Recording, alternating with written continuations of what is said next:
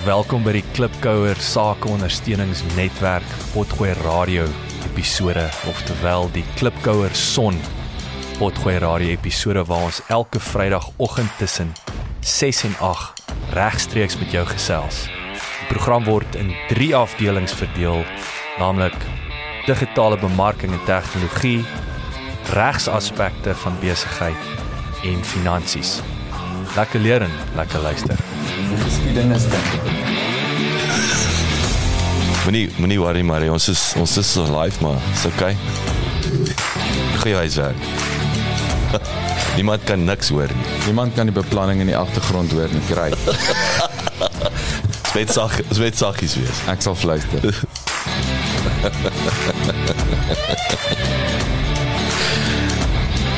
Hallo. Hallo, dis 6 uur. Goeiemôre. Ha. Die party mense het vroeg. Daai ou van België gister sê as hulle vroeg opstaan sit 8 uur. Ja, dit was nogal snaaks geweest, maar dan werk hulle Tot 7. wel hulle sê hulle werk tot 7 uur. Ek weet nie hoe lank nou het hy nie gesê hoe lank was die lunch nie, né? Wanneer hy sê hulle vat die in België kry nie Ja, 'n halfuur, lekker 'n halfuur. ja. Ja, vinnige in en uit en dan sê jy terug in die werk. So die vraag is natuurlik vinnige in en uit en dan jy dalk nog tyd om ietsie te eet. Daar's ja, dan vertel die ou gisterand van die ou oom in Woolworths wat uh wat uh, tap het vir hom tap of hom insit. En hy sê die ou oom dis ou oom wat hy en hy sê vir die vir die girl by Woolworths ek gaan hom stadig en diep insit. hy druk hy, hy druk die kaart in. Mooi oom. Maar ek bedoel toe besef ek dit ou heeltemal die bankwese is heeltemal ge, gesexualize of iets. Ek weet nie wat se regte woord is. Ja, ons het dalk net vuil gedagtes. Oom het maar net verduidelik wat Hy het net regtig verduidelik wat hy mee besig is, maar ja, die dubbelsinnigheid. Hoorie maar goeiemôre julle, welkom. Ons het uh, ons het 'n interessante dag gister gehad. Hy het uh, hy het net nou opgehou. So rukkie gelede wat ons 'n bietjie met die Belge de mekaar was, maar ehm um, is lekker om hier so te wees. Uh vinnige shout out aan uh Quentin, sy span by SLC en die Shared Services Company. Uh dankie ouens. Kyk 'n bietjie so Adrian, gooi 'n bietjie daai nê. So daar's Shared Services se logo nommer 7 en natuurlik welkom by Klipkouer Son sake ondersteuningsnetwerk. Ek voel klaar welkom. Jy ek kan dit net in jou oë sien.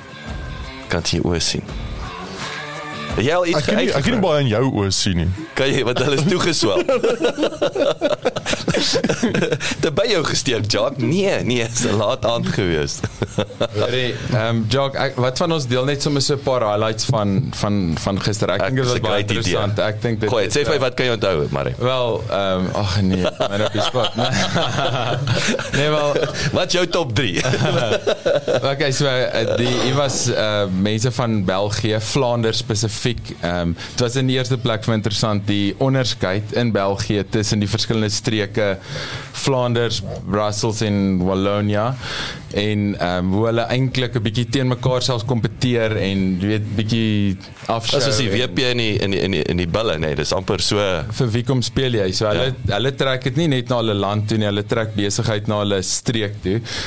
En ehm um, hier was mense wat ons vertel het van hoeveel moeite die Belge doen om ehm um, na Suid-Afrika uit te voer en hierso besigheid te enable en te help hande vat met ehm um, oorseese skakels en en hoeveel besigheid het hulle al so gefasiliteer oor tyd. Ehm um, die vrou met wie ons gesels het was die economic the, uh, advisor. Sy is al verlang daarso en sy sê aan die fi- finance department, nee. Of nee, Ehm, wie wie wie was dit? sy ehm ja, die uh, iemand ja daai daai dame met wie ek gesels het sy wat saam met Luke werk en nou wel sy sal sê 14 Venie- jaar daar. Venetia O, nie die nie die teks dan nie nie. Nee nee nee, so dit daar was drie sprekers geweest. Die ehm um, eerste een het jou net vertel van die geleenthede en van die geskiedenis van Suid-Afrika en België.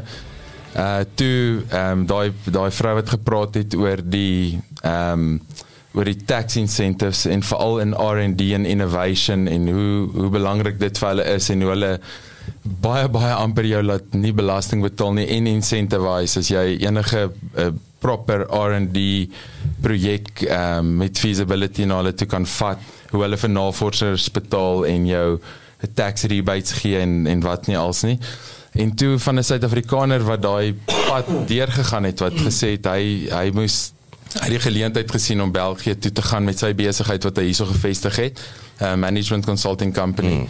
En toe hy Gerry. Um, ja, Gerry de Tooi en hy het dit toe daai kant gaan plant en sedert hy toe daar is toe kan hy toe in ander Europese lande begin hande vat um, in in die UK uitbrei en seker goed. En ek dink dis nogals dit was nogal goed om om 'n bietjie daai perspektief te kry en en hoe belangrik internasionale handel is en hoe mense eintlik Ja, daar's daai sê ding van wat ook al jy soek soek jou whatever you want wants you. So ons dink, "Ag, oh, ek wil dalk weer see besigheid doen, maar daar's iemand oor see wat met ons wil besigheid doen en as ons net kan dink hoe om dit te uh, Fasiliteer. fasiliteer, mm. ja. Kyk, die ding wat wat so my uitgespring het van hulle mindset. Daar's een slide wat onmiddellik my aandag gekry het. Soos die oggendsessie mos nou gehad en die en die, en die aan die aandsessie. So ek het nou twee keer die slides gekyk, veral met van Luke wat vir my fascinerend is, die verskillende tipe maatskappye daar is, die industrie en so aan. Maar hoe hulle in die 60's hulle mynbou getransformeer het na nou een van die grootste chemikalie producing of vervaardigende hubs, hmm. nê. Nee? So dit was daai doelbewus en ek sien dieselfde wat met die uh, Saudi, jy weet jou olielande. Wat sê luister ons olie gaan uithardloop. Wat's net Ons ons beter die nuwe golf championship begin. Ons moet die Formule 1 daar kry, ons moet die sokker daar kry, ons moet die hoofkantore daar kry. So daai daai vooruitkyk van ons moet oor 20 jaar reg wees want die olie gaan opraak. In hulle geval mynbou gaan nie ophou nie, maar dit was 'n groot en ek dink hulle het nou wat het hulle gesê daar? Ek dink die daar's iets soos die dis die meeste hoeveelheid top uh, wetenskaplikes in Europa wat daar sit. Dis hoogs betaalde jobs. Mm. Uh, in Antwerpen dink ek, ja. ek dink so, ek dink so iets, maar, eh, ja, ongelooflike maar dis hierdie hub wat, wat van ja, wat uit die kundiges. 60 is korrek. So so weer eens daai en ek dink ons gaan nou nou daarbey aansluit in terme van 'n sales cycle. Jy weet waar jy soms werk jy 6 maande in hierdie geval 20 jaar vooruit. Ja, ek- maar ek dink wat interessant was daar soos die hoe hulle die value chain geïntegreer het en hoe dit innoverend was. Dit so, Ja. so, so jy het nou al hierdie wat al hierdie chemikaliese companies wat bymekaar is, maar die pipeline is ook geïntegreer. So hierdie ou se afvalproduk voer sommer stryd mm. en die Hy's net en hy's net hier langs. net langs jou. Ja. Ek wil jou afvalproduk hê, maar jy hoef nie te ship nie. Mm. Sit jou sit jou pyp net hier aan Ja. en ek verwerk hierdie gedeelte van jou afval weer na iets anders toe en hoe weet ek dink dis waar hulle ja. goed doen met inno- innovering is hulle hierdie gehele geïntegreerde stelsel mm. En dit maak hulle nog steeds competitive want soos jy sê die slimste die hoogs betaalde mense daar wat wat wat jou lone baie duur maak en waar hulle dan nog innoveer het en sê ek maar hoe sit ons al hierdie ouens bymekaar en maak seker ons um, te gaan oor die integrasie En dit en is daai daai integrasie is ekwivalent want hulle het 'n ander voorbeeld gebruik van die drones. Ek kos doen met 'n drones huis. Ja, daai drone lughawe. So enige iets, dis 'n ou lughawe basis wat mos nou omskep is. So enige iets wat met 'n drone te doen het, jy het jou kantoor daar. En as jy nou praat van 'n incubator, mm. ons net 'n incubator. Hierso is 100 kantore, so enige iets en ek wil ons sien dit op groot skaal met Silicon Valley. So ek sê dis ou nuus. Dis net 'n dorp wat 'n incubator is. Ons sien dit ons het laas gepraat oor Stellenbosch byvoorbeeld met daai um, wat s'hy tech park of 'n ding.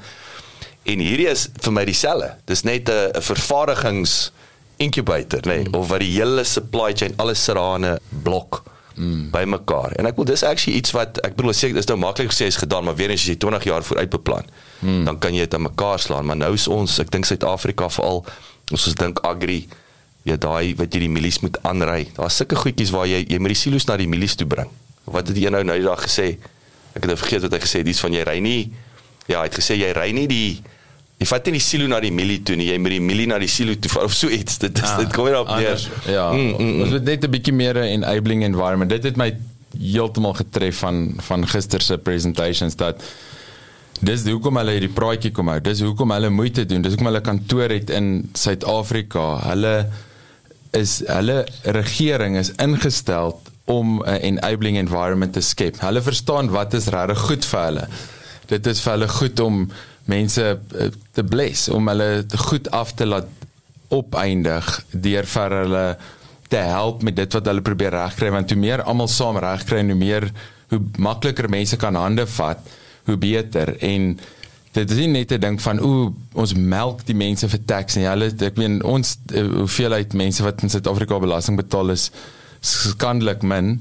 Hulle het soos 'n 90% tax compliance of 90% van die mense is taxpayers in daai land en hulle doen enige iets om dit net nog makliker te maak om jou besigheid te groei om uh, met iemand anders te kan besigheid doen en watter hulp ook al. Ek meen die een ding wat uitgestaan het was as jy daar gaan besigheid doen, dan het die um, regering 'n gratis diens, hulle Ministry of Finance om jou te legal certainty te gee dat jy geen tax obligation of incentive of iets mis nie.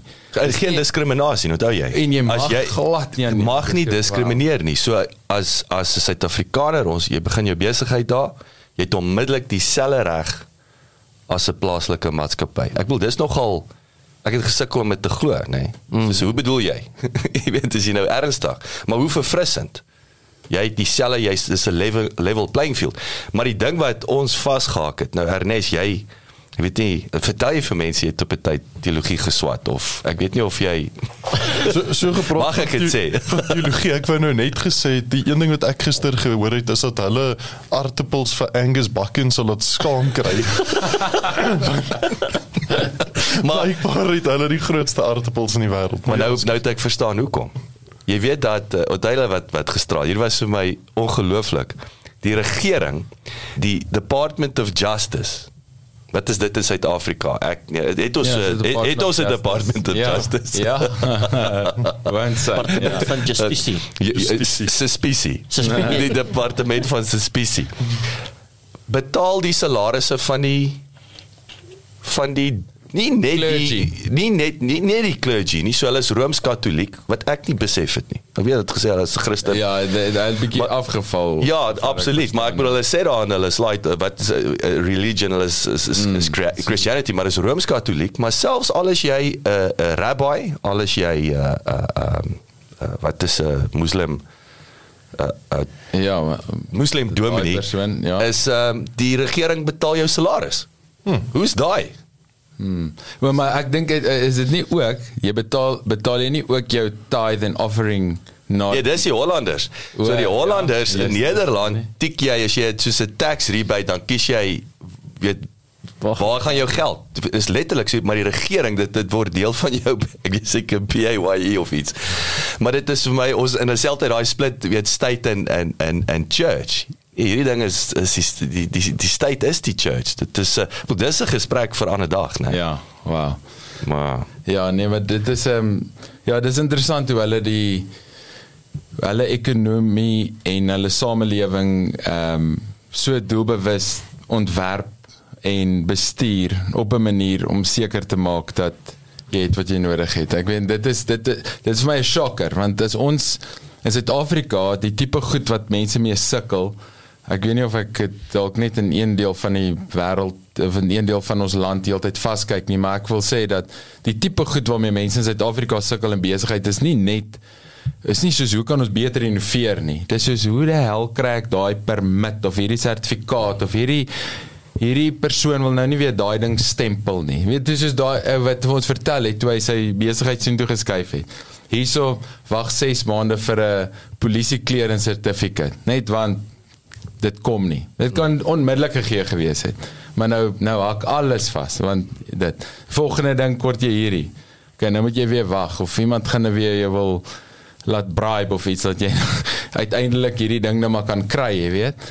En en dan en daai kant is dit chut chut chut. Okay, dat dat Uh, daar wou ek so vinnig ja, dit ook verduidelik is van 'n rukkie, maar ja, ja, ek weet nie ekskuus as ek minder maar, stadig. maar dit was 2 maande so. Ja, maar dit is maar ridiculously disproportionate dat die een is 18 maande, die ander een is 2 maande. Jy weet en maar en waarvoor wag jy? Dis nie iemand wat gaan 'n uh, ondersoek instel en hulle feite bevestig nie. Dis iemand wat 'n uh, papier moet vat en lees en stempel of terugstuur. Seker goed, jy weet, dis ja. So ons het kyk interessant nou mense eh, kyk die Belge natuurlik hulle die die bure wat nou Nederland is, weet, die manne gou mekaar nê. Nee. Wel ek dink meer die Hollanders gou die Belge. Da- Daar's 'n mate van ek dink fierce competitors Ja, en die Belge gaan hulle gaan nou nie dit erken nie, maar die Hollanders kyk maar neer daar. So half ja, ja, whatever. Dis dis cute wat daar aangaan en ek jy kan nou verstaan die die die size van van die van die Holla- of die Nederlandse ekonomie en so aan. En op sigself baie baie innoverende nasie. Uh, voorvaders, nê. Nee. So nou uh, nou sê ek 1 jaar is ons in Italië vakansie. Nou nou dis nou weer daai wat jy nou in hindsight kan ek dit nou vergelyk met Suid-Afrika. Jy weet ek het op daai stadium besigheid nou in Engeland. So in Engel, Engelse jy weet dinge werk, as meer wat werk as wat nie werk nie. En ons ontmoet hierdie familietjie daar op die strand en is 'n Japaneese vrou wat nou met 'n Italianer getroud is en hy's by 'n 'n health exhibition net langs die strand. En hy kom nou later en hy sê nee, ek moet saamkom. En kyk na die stands. Nou verduidelik hy vir my hieso is hieso is hierdie een ehm um, besigheid. Hulle werk met privaat mediese klinieke.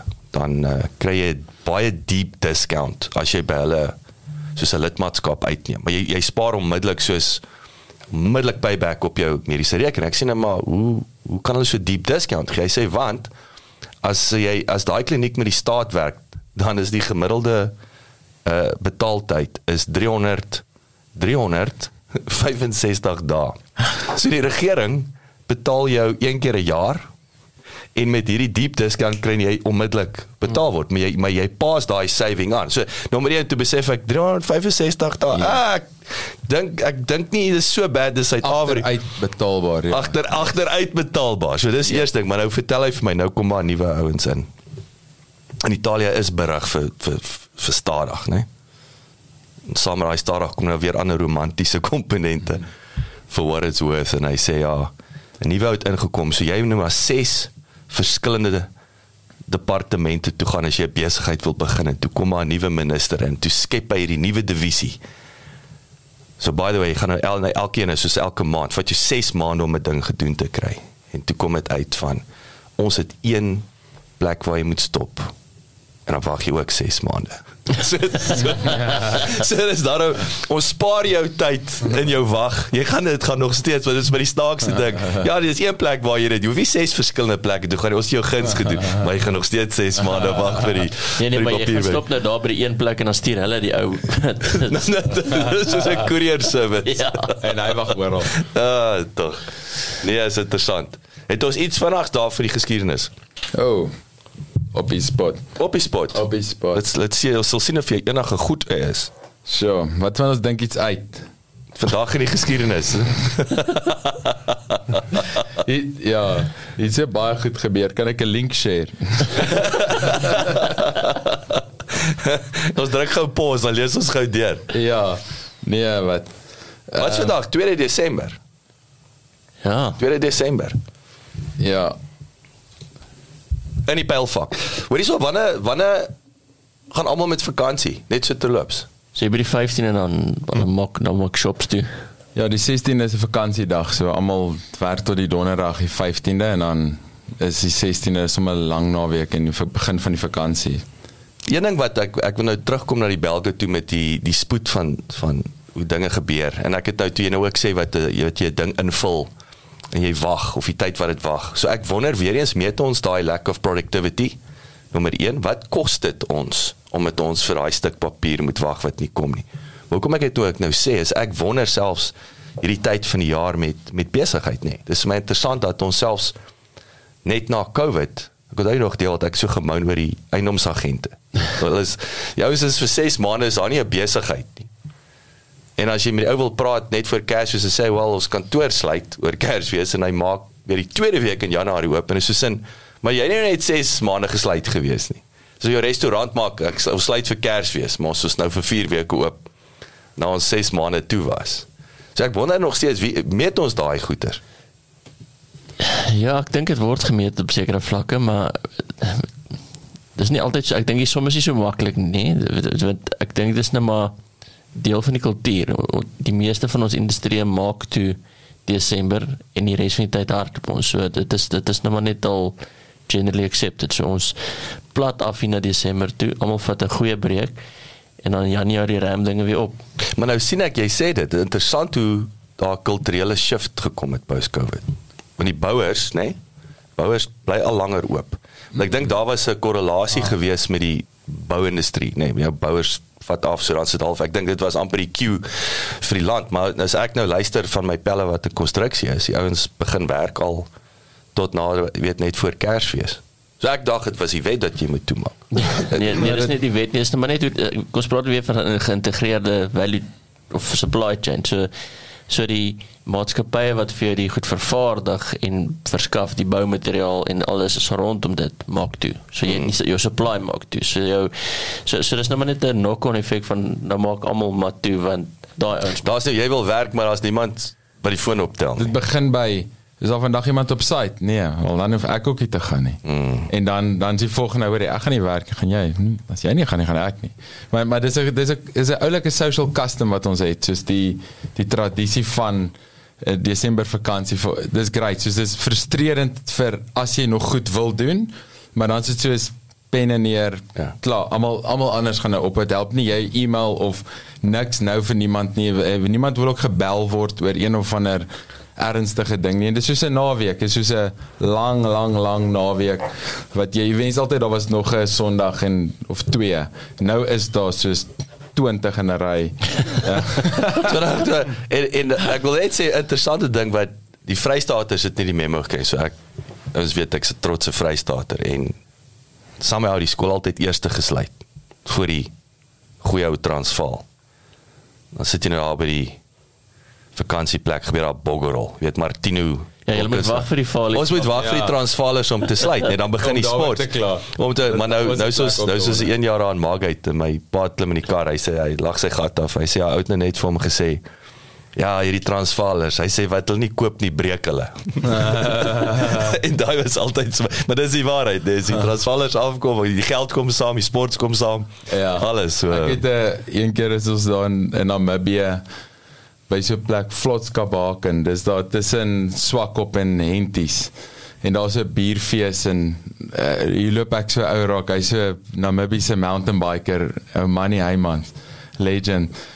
Hey Manny, lekker in jou land en ek sê yes, ou, hierdie Namibië is fantasties. Dit is mooi, dit is skoon, die mense is vriendelik. Alles wat jy soek is hierso, dis plaaslik, is naby. Uh, alles werk. Ons is is as, as Suid-Afrika in in daai stort is uh, kom ons almal Namibië is nie meer Namibië nie, is plan B. En hy hy hy hy sê so, ja, dis so kom ons julle nooit van die plek vertel het nie. opgesom. Ja. Opgesom. My uh oorlede skoonma is, is in Namibië, so ek daar's daar's hoop vir nog 'n paspoort. Hoorie ons wil ek wil 'n bietjie vinniger aanbeweeg vandag. Ons het um, ons het ons gaan 'n bietjie ander ding probeer aan die aan die einde. So ons wil net so 'n bietjie kyk of ons 10 15 minute se se kapasiteit kan bou. Ons het vir dokter Fransjo van Wyk wat gaan inpop. So ons het so 'n bietjie uh ek dink nommer 1 want ons kan ehm um, ons bring 'n gas in. Ehm um, en hy het 'n interessante angle veral met uh, depressie op hierdie stadium die tyd van die jaar wat ehm um, ja vir ouens wat natuurlik uh, weet persoonlike verliese gehad het en so aan is dit is 'n vieslike tyd. En en, en dan juis ook uit uh, om dit terug te trek na besigheid entrepreneurs ding toe van weet ons is ons is moeg en daar's werk wat gedoen moet word en Januarie is om die draai weet so ek ek sien uit 'n bietjie toe om te 'n 'n live guru. Live guru guru maar hy kom jy's uit Harry Smit uit Ja. so maar jy was wat gou breek dan ons Gamadulas. ons is nou terug Ek het vir jou goeie nuus. Ons sal teen vanaand 6uur vandag se regstreekse program 4 episode beskikbaar hê sodat jy kan luister wanneer dit jou pas. Die eerste episode sal natuurlik die programme se geheel wees. Tweede episode gefokus op digitale bemarking en tegnologie. Derde episode op regsaspekte. Vierde episode op finansies. En onthou besoek asseblief ons webwerf by www.klipkous.com. Teken asseblief in sodat ons jou op hoogte kan hou. En baie belangrik, gaan luister na ons vorige potgoeie en toekomstige potgoeie op Spotify, Apple Podcast en natuurlik op YouTube. En baie belangrik as jy hou van wat jy hoor, los asseblief 'n resensie sodat lekker mense soos jy ook te hore kom en uitvind van Klipkouerson.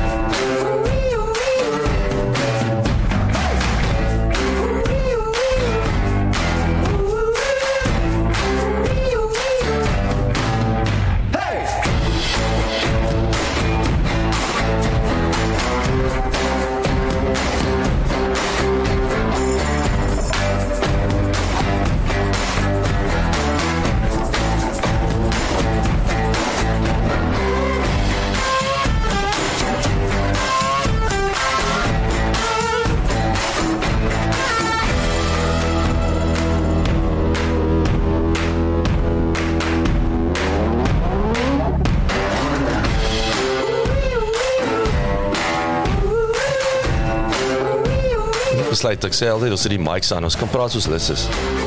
Wee wee wee. Kom ons. Oei oei. Het jy nou auto-tune button gekry? Né?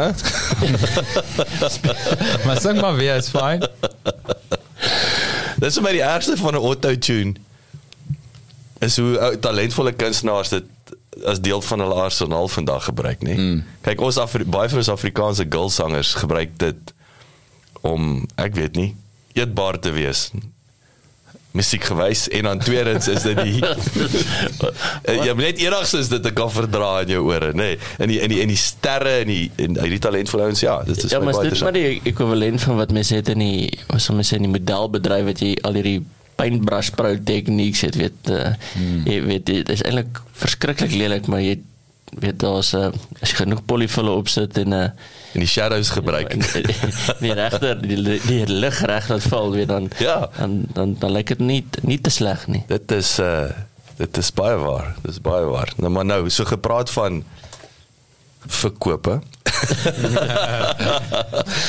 Selfverkope, s- liedjie verkope. So ons het laas, ons het actually ons het aan die gang gekom met die met uh CRM stelsel, so jou customer relationship management sagte waar en ek dink wat wat ons het lekker gesels. Actually ons tyd het baie vinnig uitgehardloop, maar wat ek teruggekom en ek weer besef weet is die die ding wat nie hard gesê word nie of ek dalk is dit wat ek hoor dit nie. Beteken nie dit word nie gesê nie is die helse verskil tussen 'n business to business CRM behoefte versus 'n business to consumer.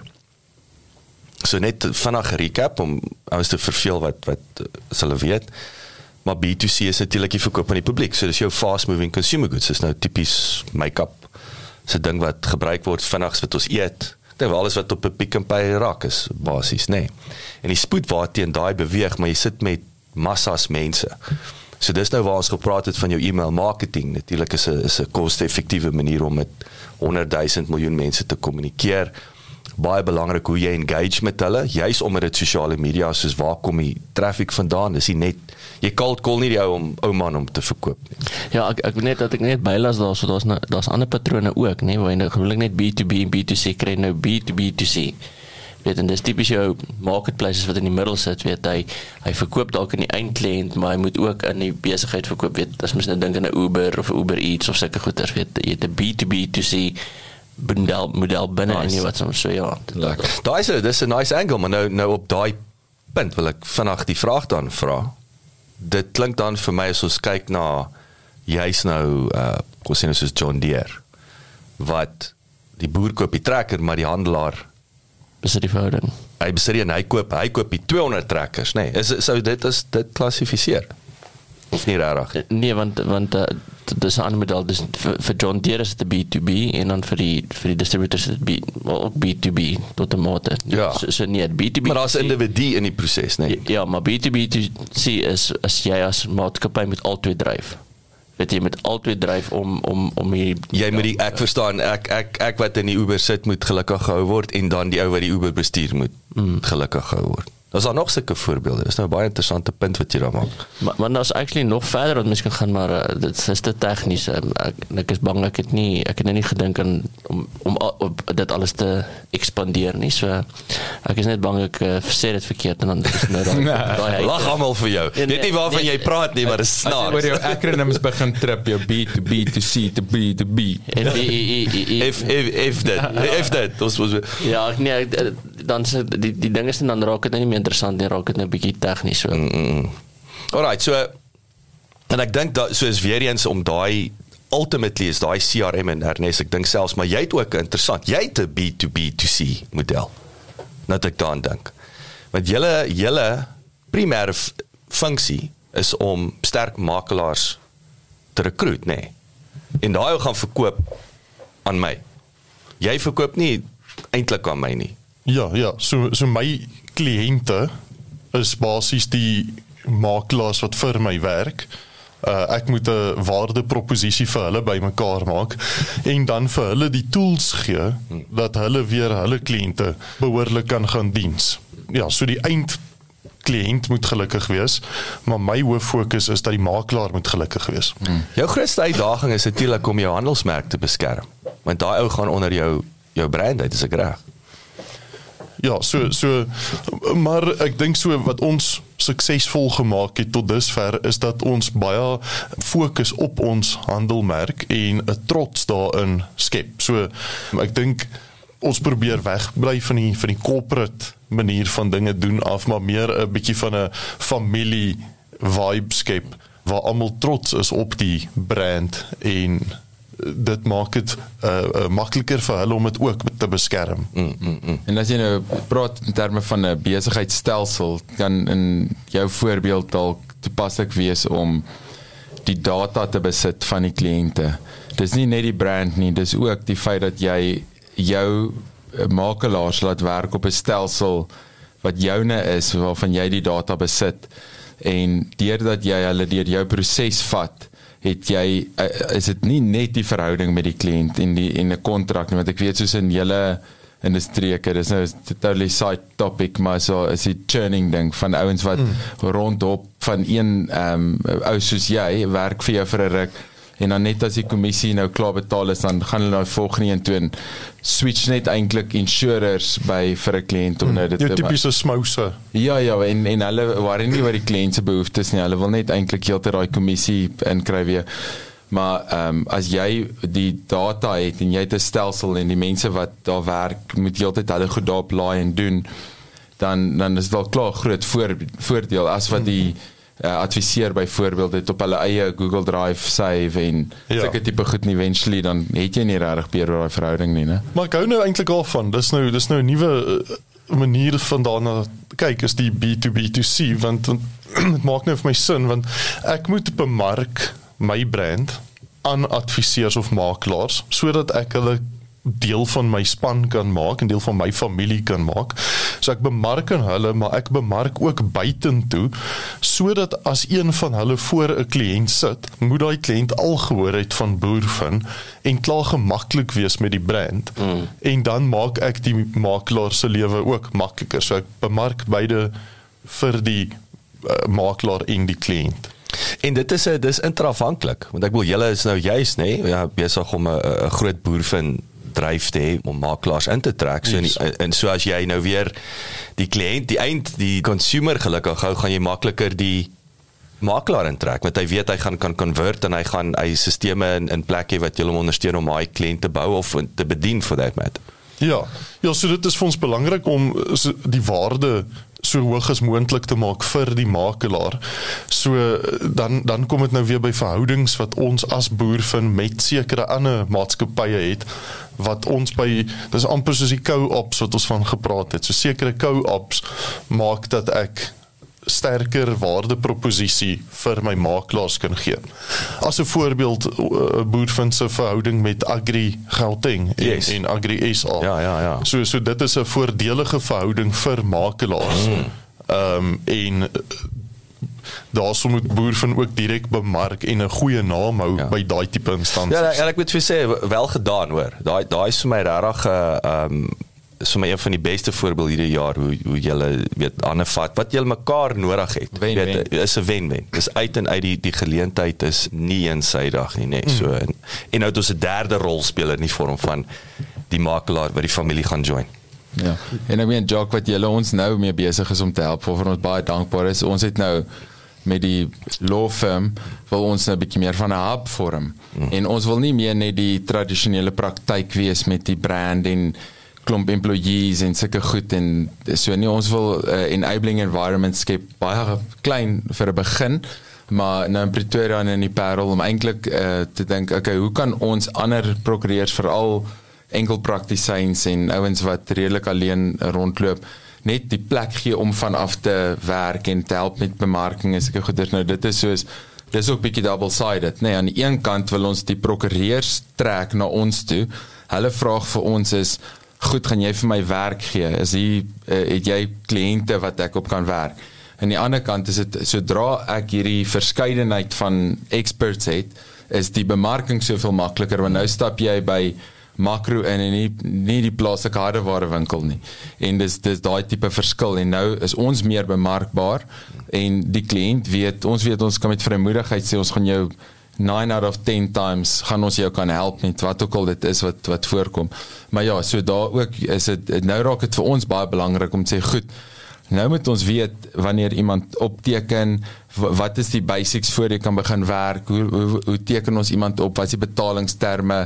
Wie's besig met wat? Trek hulle hulle aktiwiteite en so voort en dis dis die realm van dit wat ons praat. Is dit reg? Ja ja, kyk en kyk ek kan daarbey aansluit. Ek kan ek dieselfde situasie gehad toe ek die eiendomsagentskap gehad het. So jy het ook dieselfde effek van jy moet agente en professionaliteit intrek, so jy moet uh, bemark na na hulle toe. Jy moet jou brand daar buite sien. Jy weet ja, wel dit is nie fly by night. Dit is nie so jy, jy vat hande met met 'n groot brand en dan terselfdertyd moet die so so jy het weer eens jy die jy die bemarking om die agent te trek met die, met die bemarking ook op buite dat as die agent voor die kliënt kom sê dan nie oor die maar is dit nog 'n frikkies huise nie weet mm. maar maar Wat selfs is fout met frikkies huise?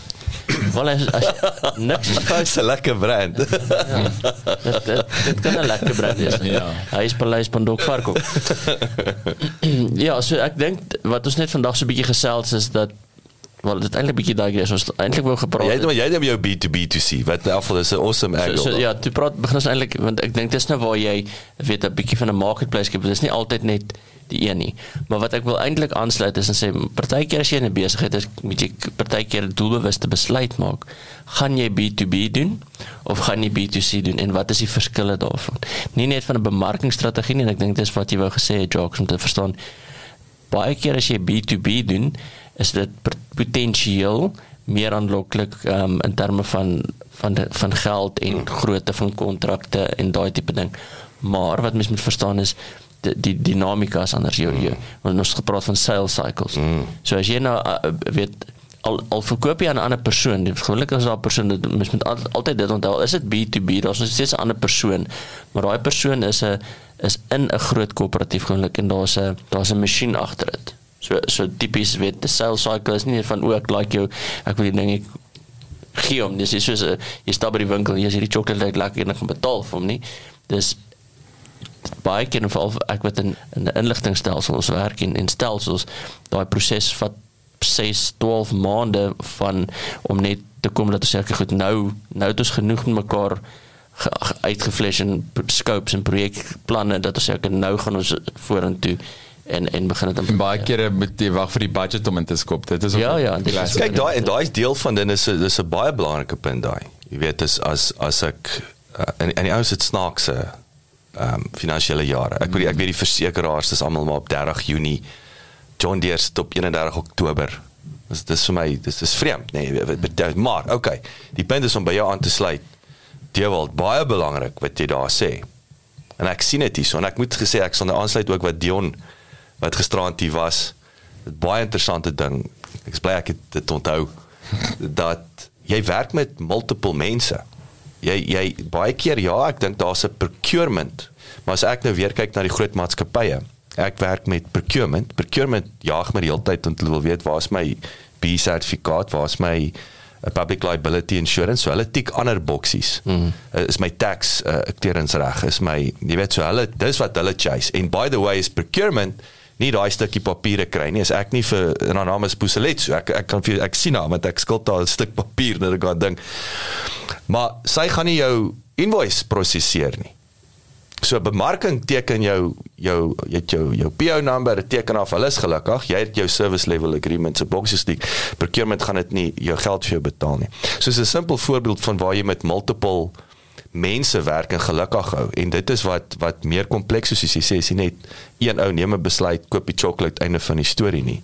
En dit natuurlik op sigself die salesproses wat baie langer is en om te verstaan wat is daai finansiële natuurlik ek sê die obvious om wakker te wees met soos weer eens waar CRM en dis weer as jy nou een of twee of drie kliënte hooplik gaan jy jy gaan weet wanneer hulle finansiële jaareinde is maar omdat jy dit weet weet jy wanneer die koopbesluit geneem word. Hmm. En daarvoor moet jy wakker wees. Daarvoor moet jy voorberei. Hmm. So jy moet April, Mei, ek seker 'n bietjie voor as jy ek weet nou nie ek werk nie met met versekerings nie. Hmm.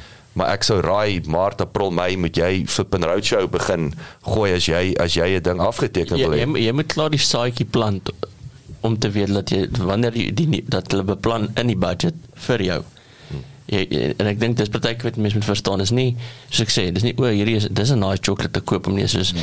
hierdie is 'n nuwe innoverende produk maar ons het nie noodwendige budget vir dit nie of dit hang af in ons in 'n glyskool van vir die vra maar laat jy dan besef sien ook dit is nou dit, hy het nie gesê nee nie hy het gesê nie nou nie Mm. ek dink dis daar daar is nie mind om sê dis nie nee nee is nie nou nie en jy moenie vergeet daarvan nie hou volg op weet by die saakies Ja. plant aan water gee dit En jy kry die stelsel om jou te herinner, om op te van. Dis ons terugkom Ja. na tegnologie toe om jou om jou wakker te hou vir jy moet opvolg. Jy moet want jy en ek het al, jy mis daai so vinnig wat jy sê, "Ah oh, man, jaar van nou af." As jy ooit weet jy, "Tjoep, is jy weer te laat." Dis 'n surfing, jy moet daar buite gaan lê agter die branders en wag vir die regte tyd om te paddel. Mm, As jy as jy te vroeg paddel, help dit nie, dan swem jy net. En as jy te laat paddel dan jy weet so dan dan vang jy nie die brander nie. So jy moet dit dis basically so, jy moet dit mooi time en sê okay, ehm um, Ja, maar, maar ek dink wat belangrik is dat ons weer eens net net om ons um punt aan te sluit wat ons normaalweg oor praat is waar tegnologie die rol speel. Tegnologie een kan vir die data gee om te weet in hierdie industrie as ek werk met wel en dis nou veral nog as jy in, in verskillende oor verskillende industrieë werk, nee, sien nou jy werk in die in die versekerings, telekommunikasie en agri. Hulle almal het verskillende siklusse hoe hulle en, en dis wat tegnologie dat jy moet weet. Okay, goed, ek moet onthou nou met hierdie hierdie groep van my kliënte wat ons nou weer met marksegmentasie moet ek so hanteer. Ek moet daai tyd doen en hier is hier is hierdie stukkies produkte wat hulle meer verkies. Dis wat hulle verkies. En ek dink dis weer eens as jy klein is, maklik spreadsheet agterop 'n pakkie stywes aan, jy weet, dis dis hoe ons almal kan begin. Maar sodra jy begin groot raak is waar hierdie is waar die tegnologie vir jou help in hierdie proses. So dis nie net weet dis dis nie altyd net van kom ons bemark bemark bemark. Dis ons daar's ander goeders ook wat 'n rol speel en en jy moet kan alles trek en weet en prosesse nê, nee, Ja, prosesse ja. ja. En daai en baie belangrik. Ek wil weer is is, is nou jy weet dit is is soms net lekker om as mense hard aan hierdie goed begin dink. 'n B2C is 'n ekstern kommunikasie tool of CRM is vir buite die organisasie. B2B CRM is vir binne die organisasie. Dis internal communication, né? Nee? Want daar's nie jy sommer dit binne in die B2B uh, ek sê ekosisteem as jy werk nie na buitentoe nie. En dit klink nou obvious, maar dit is dis vir jou as as maatskappy en natuurlik jy jy kommunikeer met die ander maatskappy, maar dis 'n internal process. Dit niks is ekstern nie. Maar onthou wat Dion, ek weet of jy kan onthou wat hy gisterand gesê het en ek gaan dit nou paraphrase waar hulle nou hierdie stelsels bou nee ek wil sê ek ek verkrag dit nou wat hulle doen hulle kyk na die besigheid as 'n geheel en hulle identifiseer bottlenecks nê maar dis nou weer om tegnologie digitization so om seker te maak ons verstaan die hele vloei van 'n besigheid van elke aspek. Ek dink dit is maar baie so Salesforce ook. Ons kyk na ons map alles in die besigheid en ons begin onmiddellik met waar hakke proses vas en ons gebruik tegnologie om om die bottleneck uit te haal. Maar hy sê toe uh, on, baie interessante ding. Toe sê onthou tannie die ou wat wat die koop besluit neem of besluit of jy jou diens gaan gebruik. Dit gaan nie oor die individu nie. Dit is wat se stelsel gebruik hy en hoe pas jy by daai ou hoe pas jou engine mm. wil ek sê jou tyre op sy mm. as en as jou tyre nie op sy as pas nie dis nie 'n menslike besluit nie so maak seker jy maak hulle lewe makliker om in te pas ek so ek, ek verkrag dit nou 'n bietjie maar dit is dit was nogal vir my interessant van jy probeer die ou uh, wat ons nou gepraat het jy wil hom nou uh, gaan braai vat toe losie toe gaan jou entertain jou meanwhile is jou tegnologie pas net nie by die ou se tegnologie nie en dit is nie wat die deal gaan deurraak nie. Ja, so ja. so eenvoudig soos jy dit. kan nie net altyd inkom en 'n nuwe ding doen en sê ja, hier's Microsoft of hier's Apple of hier's whatever nie, weet dit is soos wat wat is klaar hier en dan Ja, en ek, wat jy met onthou veral as jy met groter maatskappye werk, ons het ons praat van legacy. Jy het altyd ouer tegnologie. So dis almal kyk dis die lekkerste om on the bleeding edge te wees net om te kom kom sal alles uit en weet dis mos soos om jou kantoor oor te doen of 'n nuwe kar. of die golfie te pimp. Ja. 'n heel nuwe engine, nie net hoor nie. die radio. ja, begin met die as die sound aan die as vir die engine. Die heel laaste vir die brieke. ja, so alles ek dink al weet om om om, om af te sluit is weet um, die tegnologie net met alles saamwerk en jy moet konteks hê, né? Want dis vir ons met tegnologie. Jy kan nie net die die relationship bou nie, jy moet ook verder kan verstaan wat gaan ek aan jou verkoop? Hoe kom ek dit aan jou verkoop? En en partykeer is dit so eenvoudig om te weet, okay, maar ek het eintlik nie iets om vir jou te bied nie. Al dit ek, ek kan jou losie toe vat soveel as ek wil. Ek het nie ek het nie iets in my mandjie wat jy wil hê nie. En ek wil laaste ding daarbey aansluit en dit kom terug na selfs met Ernest hulle wat ons nou nog gesê het. Is weet jou sales audit. En verstaan jou sales audit, nê. Nee. Verstaan hy hoe pas daai gears daar agter wat dalk nie sy sy seil gaan deurhaak nie. Alright, ons daar die tyd alweer gevlieg. Okay, ek dink ek het hierdie musiek uitgesort. Kom ons kyk. Kom ons kyk so as as alles werk is gaan hierdie dinge van 'n kind wees. Die Rich. Ek dink is Cardine Carden. Anyway, gat hy. Ons is nou terug. Ons vat 'n breek. Don't go anywhere.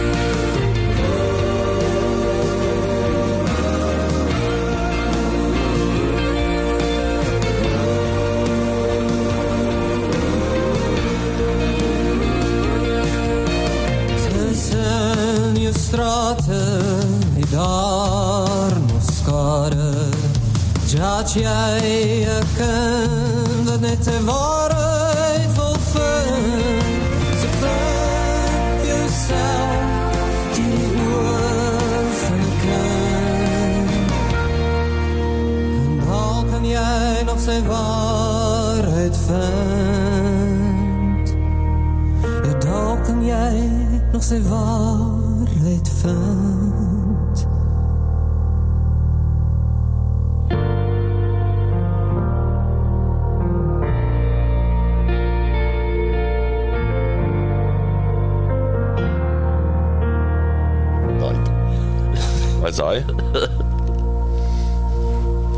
praat Ernest. Laaste vloekwoord. Okay en lewende.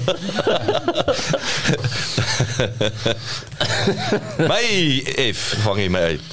Frikkie. My frikkie. Wel hier is nog 'n vloekwoord.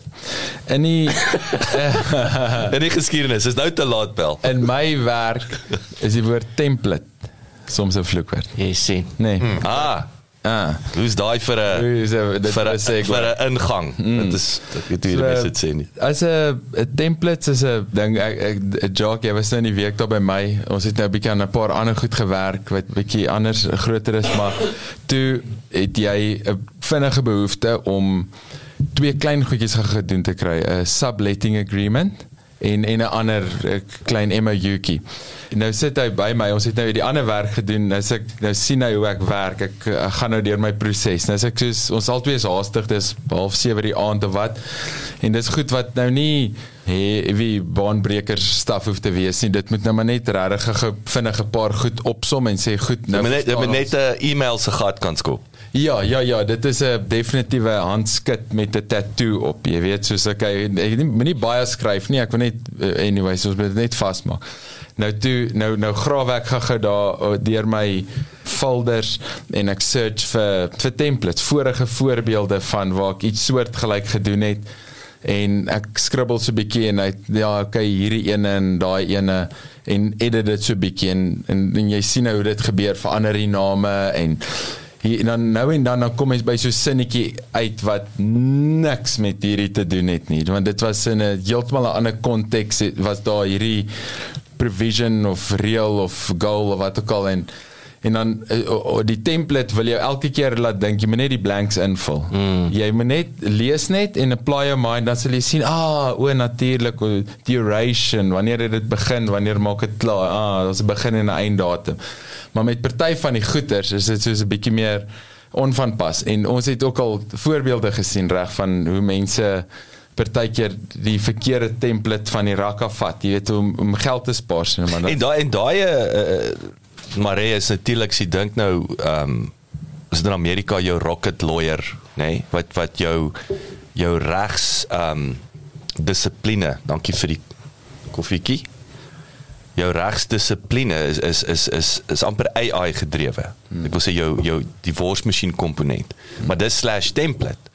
So daar's aan een kant is daar spoed en dit is goedkoop en is maklik, maar goedkoop koop kan duur koop. word. Ja, want jy jy vat dalk die verkeerde template van die rak af Mm. en vul die verkeerde blanks in. Jy weet en en 'n praktiese voorbeeld is nou gaan kom ons sê ehm um, ek gaan nou vir Dewald 'n stuk werk doen. Ek ek wil nou vir hom een of ander bestek uitvoer en hy gaan my daarvoor betaal en nou moet hy my aanstel. Nou kan hy my 'n uh, 'n service level agreement van die rak af vat of hy kan 'n uh, um 'n employment agreement vat. Kom ons gaan nou nie oor nog voorbeelde nie, net daai twee. Massive implikasies legally. En die, en die konteks is eintlik heel anders. Heeltemal anders. Dit hoe ons teenoor mekaar moet presteer, watse regte ons het uit die een verhouding of uit die ander een uit is dramaties verskillend. En uh dat net omdat jy dink, o, oh, okay, someone who is going to work for me. Google jy, nê? Nee, as jy uh, gaan Google loer. En dan Wat kan jy vir Trade- kry? Trademark. En Ja, dis 'n Afrikaans loer. Loer, loer, daar sê. in plaas van search. Ja. So ja, so ek gaan loer op Google loer. Ja, so julle. En uh, ek gaan uh, nou nou nou nou, nou search jy net keywords. Person working for me contract free uh dot docx. Okay, want jy wil hom nou kan edit. Dis ek nie geweet skoon so d- So lank vir frase intik. nie. Ja. ja nee, so sê ja, spesifiek Google vra is nie. nou heavy slim, jy moet dit check. hoor. Ek sê wys. Nee, maar nou, nou sit jy hier hierdie hierdie wat jy nou gaan dink gaan jy na die regte antwoord toe lei, nie soos ek hy wat employment en so so whatever en dan dan kry jy nou uiteindelik een wat nou lyk of hy die regte hoeveelheid bladsye is en dis nie te ek lyk nie te Amerikaans nie en sulke goed. Jy weet dalk nie eers nie. Dis is dalk hoe jy sê weet jy, dit lyk of er genoeg bladsye is wat ons partykeer sê okay die nie ding lyk of hier genoeg vleis is. Ah. Maar maar wat sê hy eintlik nê? Nee? Ah. Want baie keer is daar paragraaf hierdie en 'n ben- appendix D wat glad Hmm. nie van toepassing is op die ding wat jy wil doen. Kan ek net uh, ekskuus ek vir jou weer nie rede maar hey, ons het nou twee situasies gehad ek en jy. Waar die okay, uh, weet alle respek teenoor die die die ouens het nie ehm um, is nie Mickey Mouse ouens nie, maar mm. daar was template components in. Mm. Mm. En die ander ander ou, alle Willie Wally drie verskillende templates wat gemeng is. Mm. Nee? Ek bedoel en en somehow ek weet nie of ek bevraagteken meer die lesers van die kontrak dat wat dit nie agtergekom het nie of dit is sy eerste poging om 'n om 'n kontrak maar drie verskillende templates. Dit lyk soos daai karre wat so die ou het geld gehad vir die nuwe bonnet, maar nie vir die nuwe spray. Is dit daai daai Indie Dat Indie ou wat vir 'n Renault 'n ge- 'n Peugeot, het jy al oor daai ad vir die Peugeot wat hy hom so gebou het van scratch af. Daai drie Peugeot kies uitgekom met die 208s of iets dan toe van scratch af uitgeslaan. Maar anyway, dit laat, laat my daaraan dink, 'n 'n fake jy, Peugeot. jy het so groen deur op 'n rooi kar. Mm. En as jy die as jy nou met kontrakte gereeld werk en jy sien klomp van hulle en jy gaan baie van hulle deur dan staan dit so uit. Dit staan soos 'n zit uit op 'n gesig want jy kan sien hierdie die partykeer dan is die font ook nie eers mooi geëdit ja, nie, jy weet want jy kan sien dis nou gekopie en paste. So dan dan sien jy yes, maar hierdie Ou as jy jur- jurisdiction in 'n ander land is. Dis Ja, nogal 'n dis nogal 'n giveaway. Dieselfde die- ding ja, drie op, op 'n giveaway. ander manier. en jy kom dit nie noodwendig agter tensy jy mooi oplet nie. So okay, ons punt wat ons maak is 'n template is 'n baie baie gerieflike ding. En ons praat nou CRM, né? So jy wil eintlik Standaardiseer, ja. Jy standaardiseer en jy wil hê dat iemand wat by jou werk amper net 'n vorm invul vir elke stap van die proses en dit populate alles wat dit moet populate, 'n database en 'n brief en 'n en 'n watter dokument ook al. Jy weet, dit maak dit baie vinnig om werk te kry en as jy gedoen te kry. En as jy mense het wat vir jou werk en jy verkoop hulle werk, dan is dit nog beter om hulle spoed, jy weet, van produksie te lig. Maar nou nou is dit die gevaar dat hoe gaan 'n mens te werk? En ek dink die die hoofpunt wat ek sal wil maak vandag is om 'n tip daar buite te sit. Dis soos wat mens op al hierdie supplement bottles en al hierdie quick fix goeders wat jy so op die rakke kry met een of ander magic cure en remedy en goeders en dan staan daar in die fynskrif gaan sien jou dokter. Nou ek wil nog hoor by 'n lawyer. dokter. Ons moet dan vir Mag ek USN gebruik? Ja. Maar ek weet gou vinnig also ons het hierdie nou al baie gesê, maar 'n template is so convenient wanneer jy jou eerste besigheid begin. Sy het al gepraat van die Afrikaanse cowboy entrepreneurs wat wat op die edge hardloop. En uh, baie keer het mens net nie, wel jy dink nie jy het die fondse in die begin om 'n behoorlike kontrak te laat opstel nie. En ek het onlangs eers ge anti-template um, of of Ont-template. geont-template en ek dink die groot ding was toe ek besef ek en my mede twee direkteure besef het dat ons moes 'n 4 ure gesprek gehad het saam met Maree voor ons kon besluit wat moet in die kontrak kom nou hoe google jy daai Ja, kontrak ja. Uh, Waar's daai template? Ja waar's daai jy, jy gaan nie google boervin drie direkteure ideale shareholders Ja. agreement vir 2022. Hoe wen en en hoe wen ek? Hoe stap ek 'n wenner weg in die deal uit? Ja, best case for me.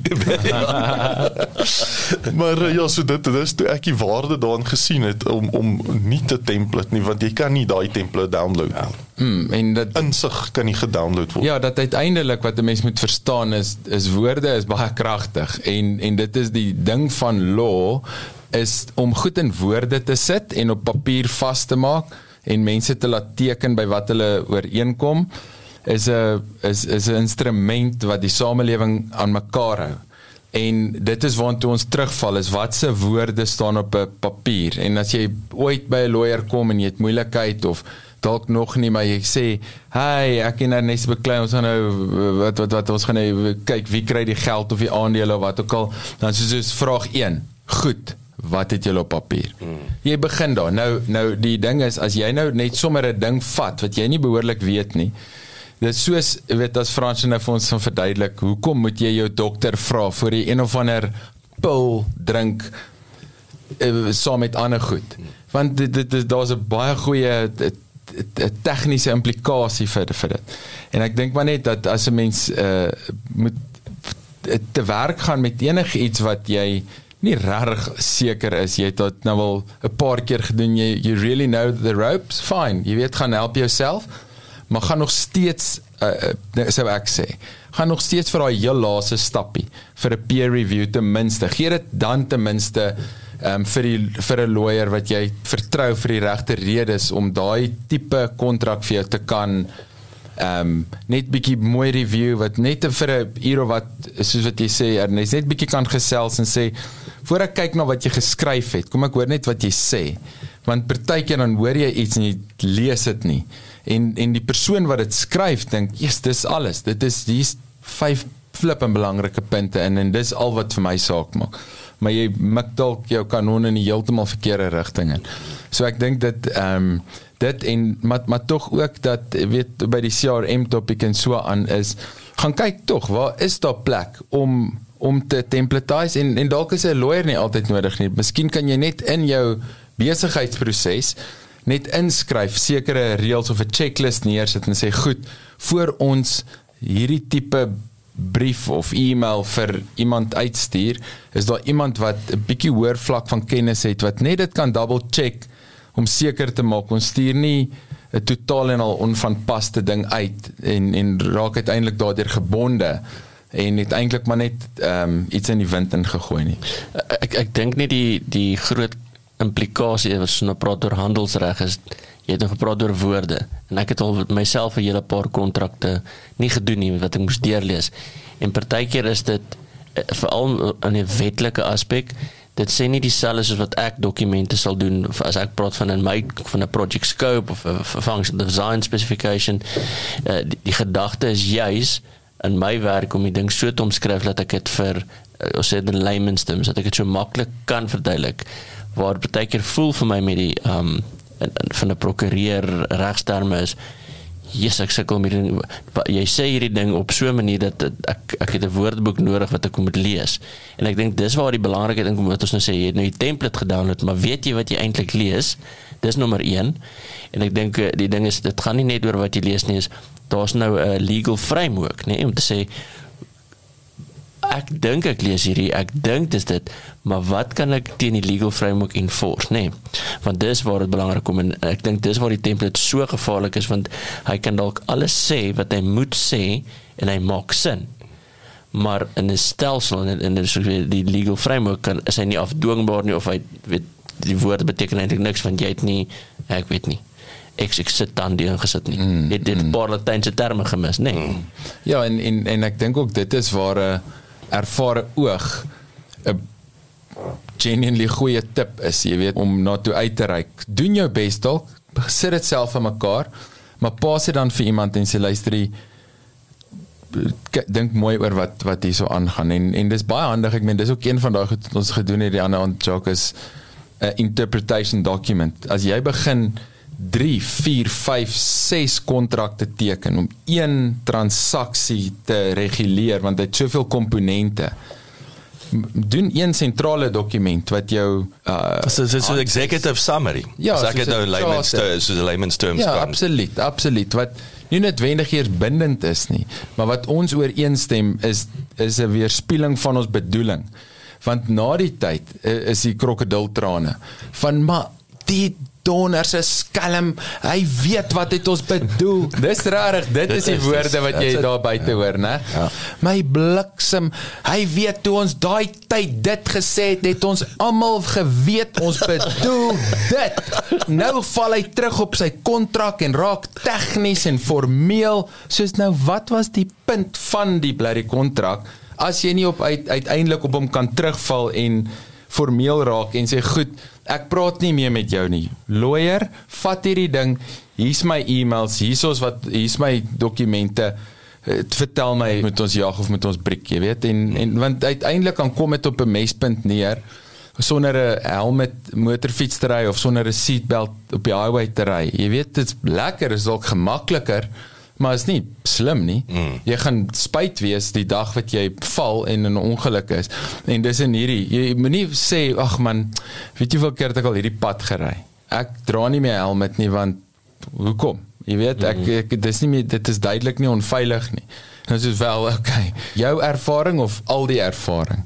En dan is dit nogal wys om net bietjie so 'n bietjie van 'n 'n right hand person te wat wat net mense ropes 'n bietjie check soos die rally drivers wat 'n navigator het en maar maar daai ek wil ook sê daar's daar's vlakke van net te vinnig gecheck en ek bedoel maar hey, een van die goed wat wat jy onlangs gedoen het wat ons 'n uh, suksesvolle klink of ek heeltyd met my prokureur besig is maar ek is omtrent op hierdie stadium heeltyd maar meer goeie goed Ja, ja, as, as goeie meer goed, ja. goeie goeders uh was waar jy byvoorbeeld 'n junior advokaat ingebring het vir 'n once over nê nee. Hmm. Ja, dit nee, was nee, en en en ja. is so half maar kos maar deur 'n bietjie meer job. Mm. Soos daar's nou 'n klein dis 'n kleiner, dis 'n bietjie meer, maar weet jy wat kos gooi uh, nog 'n oog mm. om seker te maak ons het ons Ah. T's gekras en ons in ons I's gedot, nê. Nee. Ja. En daai was so ek ja, ek like dit. Ja, okay, dis nou dis nou 'n bietjie dierder, maar mm.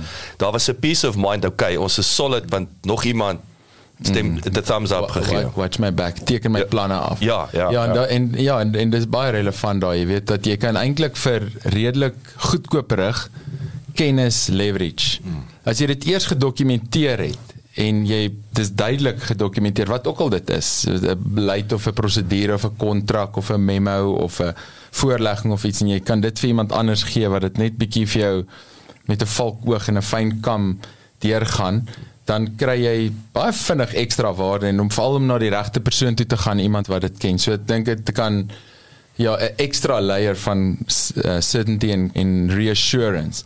Ehm um, en dit is belangrik om eintlik dan nie skien is een van die lesse om nie te selfvoldaan te wees en te dink alles wat ek skryf, alles wat ek opstel, alles wat ek uitstuur is fyn. Soos pas op, party goeters is so belangrik dat fyn is nie fyn nie. Hmm. En jy ja. Maar, maar wat partykeer ook gebeur en mens moet dit onthou, mens mens is blind vir jou eie foute. Mm, exactly. Ja, Also met dis die punt. Ja. Want jy sal jy sal 10 keer oor daai ding gelees het en dan Ah. net daar iemand anders van maar jy kan mos nou nie hierdie sê nie. Soos, o ja, ek kan eintlik in 'n legal terms kan ek dit nie sê nie, maar dit Mm. weet in konteks omdat jy dit net jy het dit nog 10 keer deurgelees. So jy eintlik lees oor dit. Mm. So so as jy regtig as dit nou iemand anders se dokument was en jy moes dit fyn kom sê, maar dadelik dit opgetel het. Ja. Maar maar jou eie ene sal jy nie. En uh, ja, dis is nog 'n belangrike ding daai want partykeer dan kom jy tot op 'n punt waar die ding is nou wat lyk soos 99%. Nou is dit daai final touches. Dis nou daai dotting the i's. En jy eh, met heen en weer die ding stuur en jy draft nommer 22, 23, 24, 25 soos wat dit heen en weer gaan en elke keer 'n klein veranderingkie dan uh, uh, daar's nogal sneetjie goed wat gebeur en dit dit gebeur meer as wat jy sal dink dat in daai laaste interchanges juis omdat jy nie elke keer die hele ding weer deurgaan nie dan sneek mense gou-gou 'n klein klein klein 'n must word 'n my of 'n jy weet 'n should is 'n could of wat ook al wat sulke tipe goed. Moerse implikasies. moerse implikasies jy weet soos byvoorbeeld om jou regte permanent of tydelik te vestig. Massive verskil.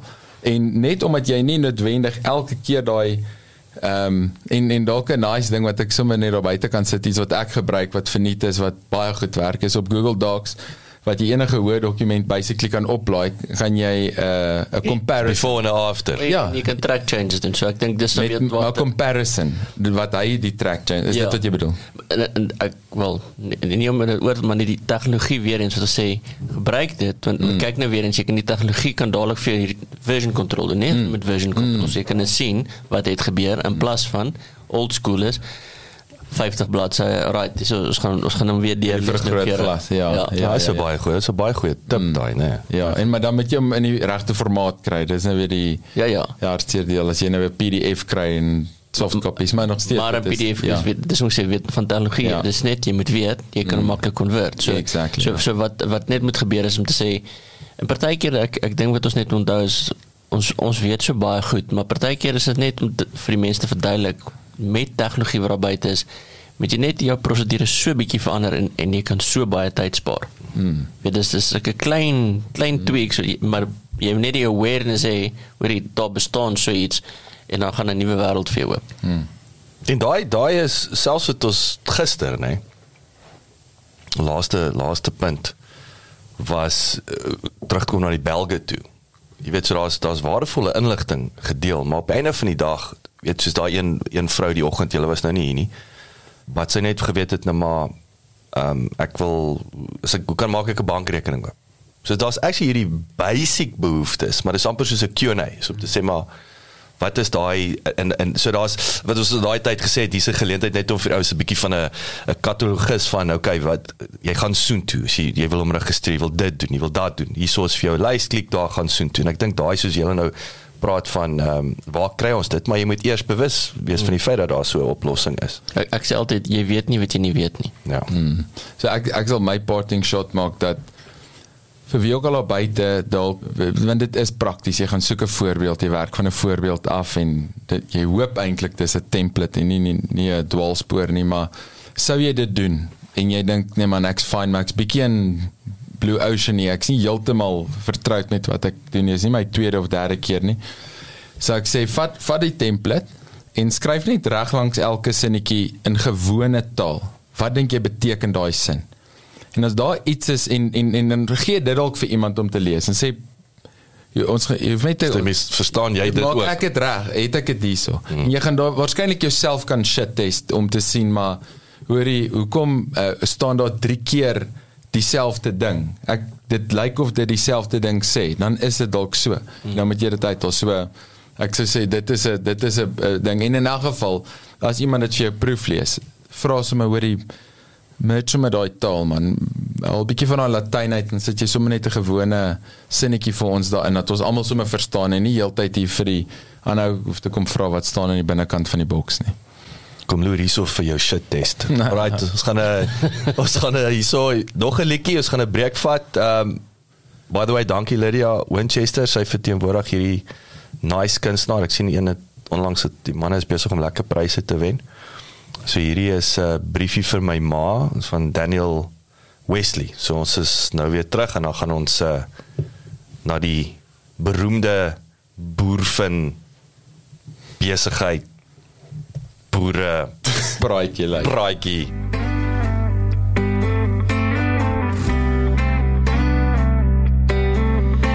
Sy luister vir my as ek van binne skree. Sy weet wanneer is my ja eintlik nie. Sy sal agter my staan. Maak nie saak waar die ek gaan. Sy sal die reendruppels terug in die wolke gaan tap. Al die berge se torings skaalvoet gaan stap. Ryhou en aanhou. Ja, sy is 'n eystervrou. Ek wil haar op my hande dra. Ek wil die wêreld vertel wie is my ma. Oor en oor het ek gesien. Vir hierdie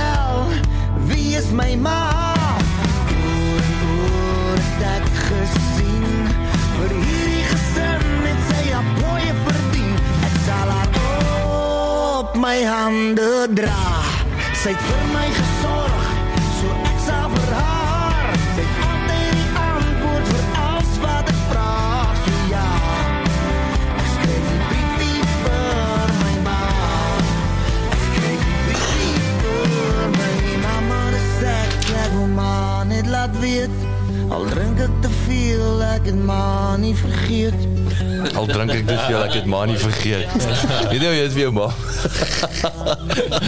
Toe ek dronk was, het ek aan mamma jy wat ek het nie vergeet van jou mamma. Nou, dit is baie cool as jy dit van jou so vir jou ma sê dit is vir jou girlfriend dit. My skat ek het dit daarom nie vergeet gisterand nie. Wat op pad Bryanston toe. is 'n pause met my girlfriend.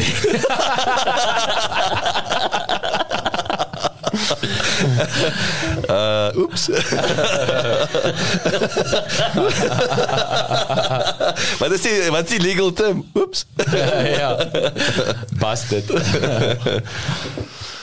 Maar in elk geval, dankie dat ek dan nou weer 'n bietjie kan gesels.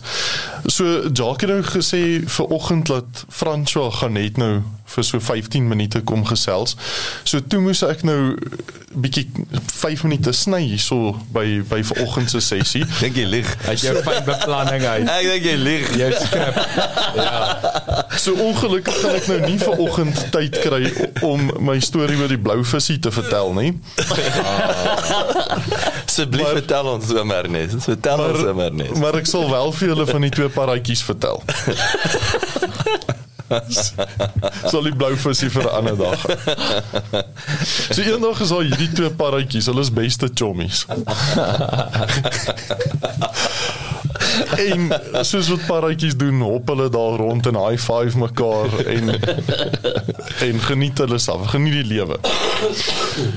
En op 'n stadium sien hulle nie hierdie groot gat nie. En altoe van hulle val in die gat in. Diep gat met met glibberige kante, so hulle kan nie uitklim nie.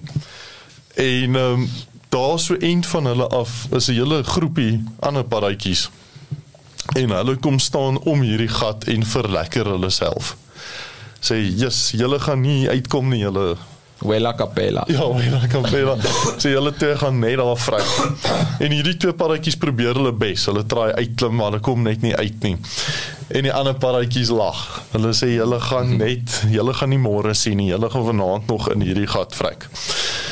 En so die, bachelors op 'n plaas ergens. ja, my mis last word. wat met twee paradjies in die gat.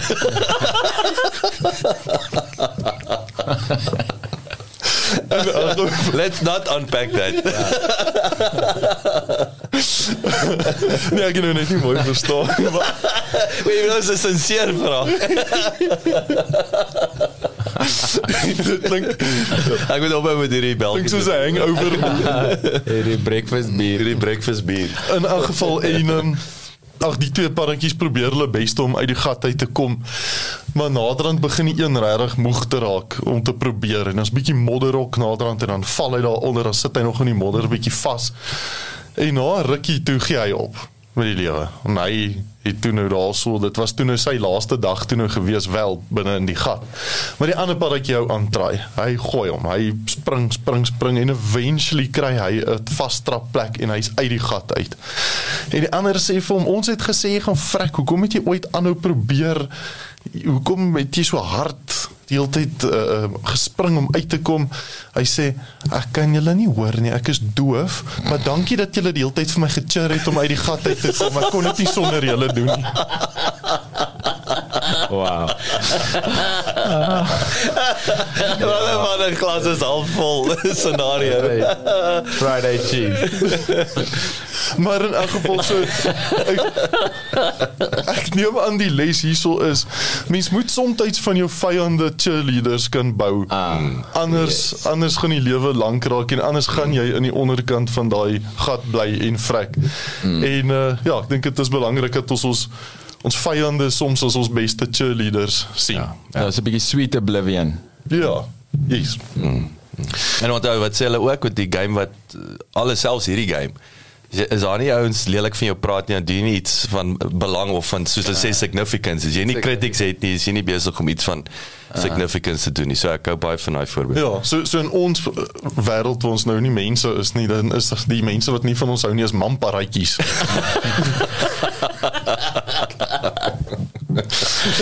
uh, ons almal het ons mamparatjies nodig. ons het almal maar 'n paar as in ons lewe nou In elk geval so soos beloof uh, uh, pak ons vandag bietjie die M uit van van die Dis die MPA. mamparas nie. Dis die mamparas nie. Uh M vir vir motief, vir motiveerde verkoper. Voor ek daarso begin, wil ek net so vinnig, ek het laasweek so vinnig geraak aan aan hierdie goed, maar ek wil dit, net weer genoem. So baie mense vra, is dit 'n goeie tyd op hierdie stadium om in eiendom te belê? Nou daar was twee goeie tye om in eiendom te belê, soos wat uh, julle ken seker die storie van wanneer was 'n goeie tyd om 'n boom te plant? 20 jaar terug. Mm. Wat is die tweede beste tyd nou? Mm. En ek dink dit is uh, eiendom het ons nog nooit verkeerd bewys nie. Hy het sy ops, hy het sy afs, maar oor die langtermyn gaan hy net altyd ehm um, aanhou groei. Hulle maak dit nie meer nie. Ehm um, dan so in in 1994 was die eerste keer dat mense gedink het dit nie die moeite werd is om te belê in ons land in eiendom nie. Hulle het gedink die aarde gaan vir Suid-Afrika insluk. Maar ehm um, jare later is ons nog hier en ons bly nog Ek in het huise. nou nog van daai bully beef. Hoorie maar daai was dit prima nie. Daai tyd hy moes gaan draai by 25% dink ek, né? Dit nee nee nee, daai was daai was ek dink nee, daai was bietjie vroeër gewees in in 2000 O ja, Ja nee, onthou jy, dis einde van van hier 27. 1998 ek ek sê 97 98 daaroor was hy 25% en dis toe hy begin drop het. Wat ons toe daai rekord volgende 6 7 jaar in in in in eiendomsgroei gehad het. Mm. Ek dink vir die grootste in die wêreld. As ek nie as ek reg onthou. Ehm um, ek, ek het daai tyd nog nie in eiendom belê nie. Ek kan nou nie vir al die feite gee van 94 nie. Maar uh, ek was ek het skool toe gegaan daai jaar. Ja, ek onthou my pa het het is nou hoekom ek dit onthou is uh, ons het daai tyd die koffieshop uh oopgemaak in Woester. En my pa het nog die ehm um, ek dink was was uh Stanik, wel, Standard Bank, dis mos maar Stanik, nee. Toe het nou die groot uh, uh jou jou jou inloop yskaste, jou jou koffiemasjiene en goed is gelees. En ek onthou prima was 25%. Ja. Dit was dit was Ja, ja, wat jy gelees het, malligheid as jy daaraan dink, nee. In 'n geval die volgende keer wat mense gedink het eiendom is nie die moeite werd nie, was in 2008. Ehm um, soos ek sê ons het laasweek 2008 so klein bietjie bespreek toe die property mark gekollapse het, het jou 3 slaapkamer nie 'n 2 slaapkamer geword nie. En jou huurder het ook nie 50% afslag gekry nie. So dit het steeds 'n goeie belegging gebly in daai tyd. Op daai stadium was 'n uh, prima toe 15% so dit was dit was nie ideaal le prima gewees om teen te koop noodwendig nie. En die banke het hulle gatte afgeskrik vir daai hele kollaps so hulle wou nie vir die mense geld leen nie. Jy, jy het gesukkel om finansiering daai tyd vir 'n eiendom te kry. Maar nou waar ons vandag sit eiendomme is is goed geprys op hierdie stadium Ehm um, mense kry goeie deals daar buite en ons sit vandag op 'n prima van 9.25%. Hmm. So al die al die boksies en die banke is bereid om vir ons geld te leen. Hulle hulle worry nie, hulle is nie bang nie, hulle leen geld. So al die boksies is getik om te sê dat dit is heidaglik 'n goeie tyd om eiendom te koop. En as jy op daai dis nou waar statistiek handig is as jy nou kyk oor die langer termyn en nie die blips op die radar die geraas nie. Maar jy kyk oor 10 en 20 en 30 en 40 jaar eiendomspryse in verskillende markte en goed en jy sien daai consistency dat ja daar's definitiewe dips maar dis die siklus so wat ons nou nou gepraat het van 'n sales cycle is dalk 'n in property um cycles en ekonomiese siklusse wat dit gaan deur 'n trog en dan weer 'n lekker opdraande en dan dip dit weer uiteindelik. Iets erns uh, het dit te ver gegaan en pop dit maar hy hy, hy recover weer dit is deel van dit om om 'n consistent groei as jy van ver af kyk gaan jy nie daai dip sien nie jy gaan net die opwaartse kurwe sien En en gestel die dips is elke 12 jaar. So ek ek voel nie jy moet jou te veel uh, steur aan waar jy koop nie of jy nou onder koop of bo koop nie. Solank jy net onder markwaarde koop. Maar uh, selfs die spesifieke eiendom Ja, daai spesifieke mm. eiendom onder onder sy markwaarde op daai spesifieke tyd. Mm. Ja, kyk wat iemand een keer gesê het is jy, jy maak jou geld op die transaksie wanneer jy mm. huis koop, nie mm. wanneer jy weet later nie. So dis daai da is die belangrike punt van die negotiation daar van waar teen watse prys koop jy hom aan. Maar jy moet eh, daar in ek het so 'n valuation kursus gedoen en die een nou wat vir ons klas gegee het het 'n uh, sy theory was dat mens eintlik eiendom moet beskou as 'n 'n bate wat jy koop met 'n put option. en so jy wil die future value uh bereken oor die uh eienaarskapperiode. So as jy sê net maar sê ek gaan hom ten minste vir 5 jaar besit of 10 of 15. Wat is die likely range of future values wat hierdie ding kan uh, waarskynlik gaan realiseer in 'n slegte en in 'n goeie situasie en, en hoe lyk dit? En dan moet jy met future values moet jy ook die ehm um, dit terugbring na present value toe en sê okay wat is dit in vandag se terme ehm um, so is dit werklike groei? Lyk dit net goed? Is dit dalk net 'n stabiele plek om my geld te bære? Dis sê die die wealthy they either make or keep their money in property. Yes. one of those or, or both. Ja. En en ek dink eh, mens moet as jy as jy eiendom koop moet jy hom amper vandag al weer kan verkoop en 'n wins maak soos wat uh, Dion Ja, wat- sê dat jy jy wil onmiddellik amper daai wins kan maak. Jy wil nie 5 jaar noodwendig vir hom vir hom wag nie. So ek wil nou en ek weet daar's ouens wat die vraag vra. So ons weet wat die proses is nou. Nou gaan jy jy ehm um, maak 'n offer. Ons jy het nou jy gaan dit dit bietjie aanpak op 'n stadium nou in terme van hoe gaan kyk jy na wat is daai waarde, maar die maar die hoe weet jy die huis is onder markwaarde?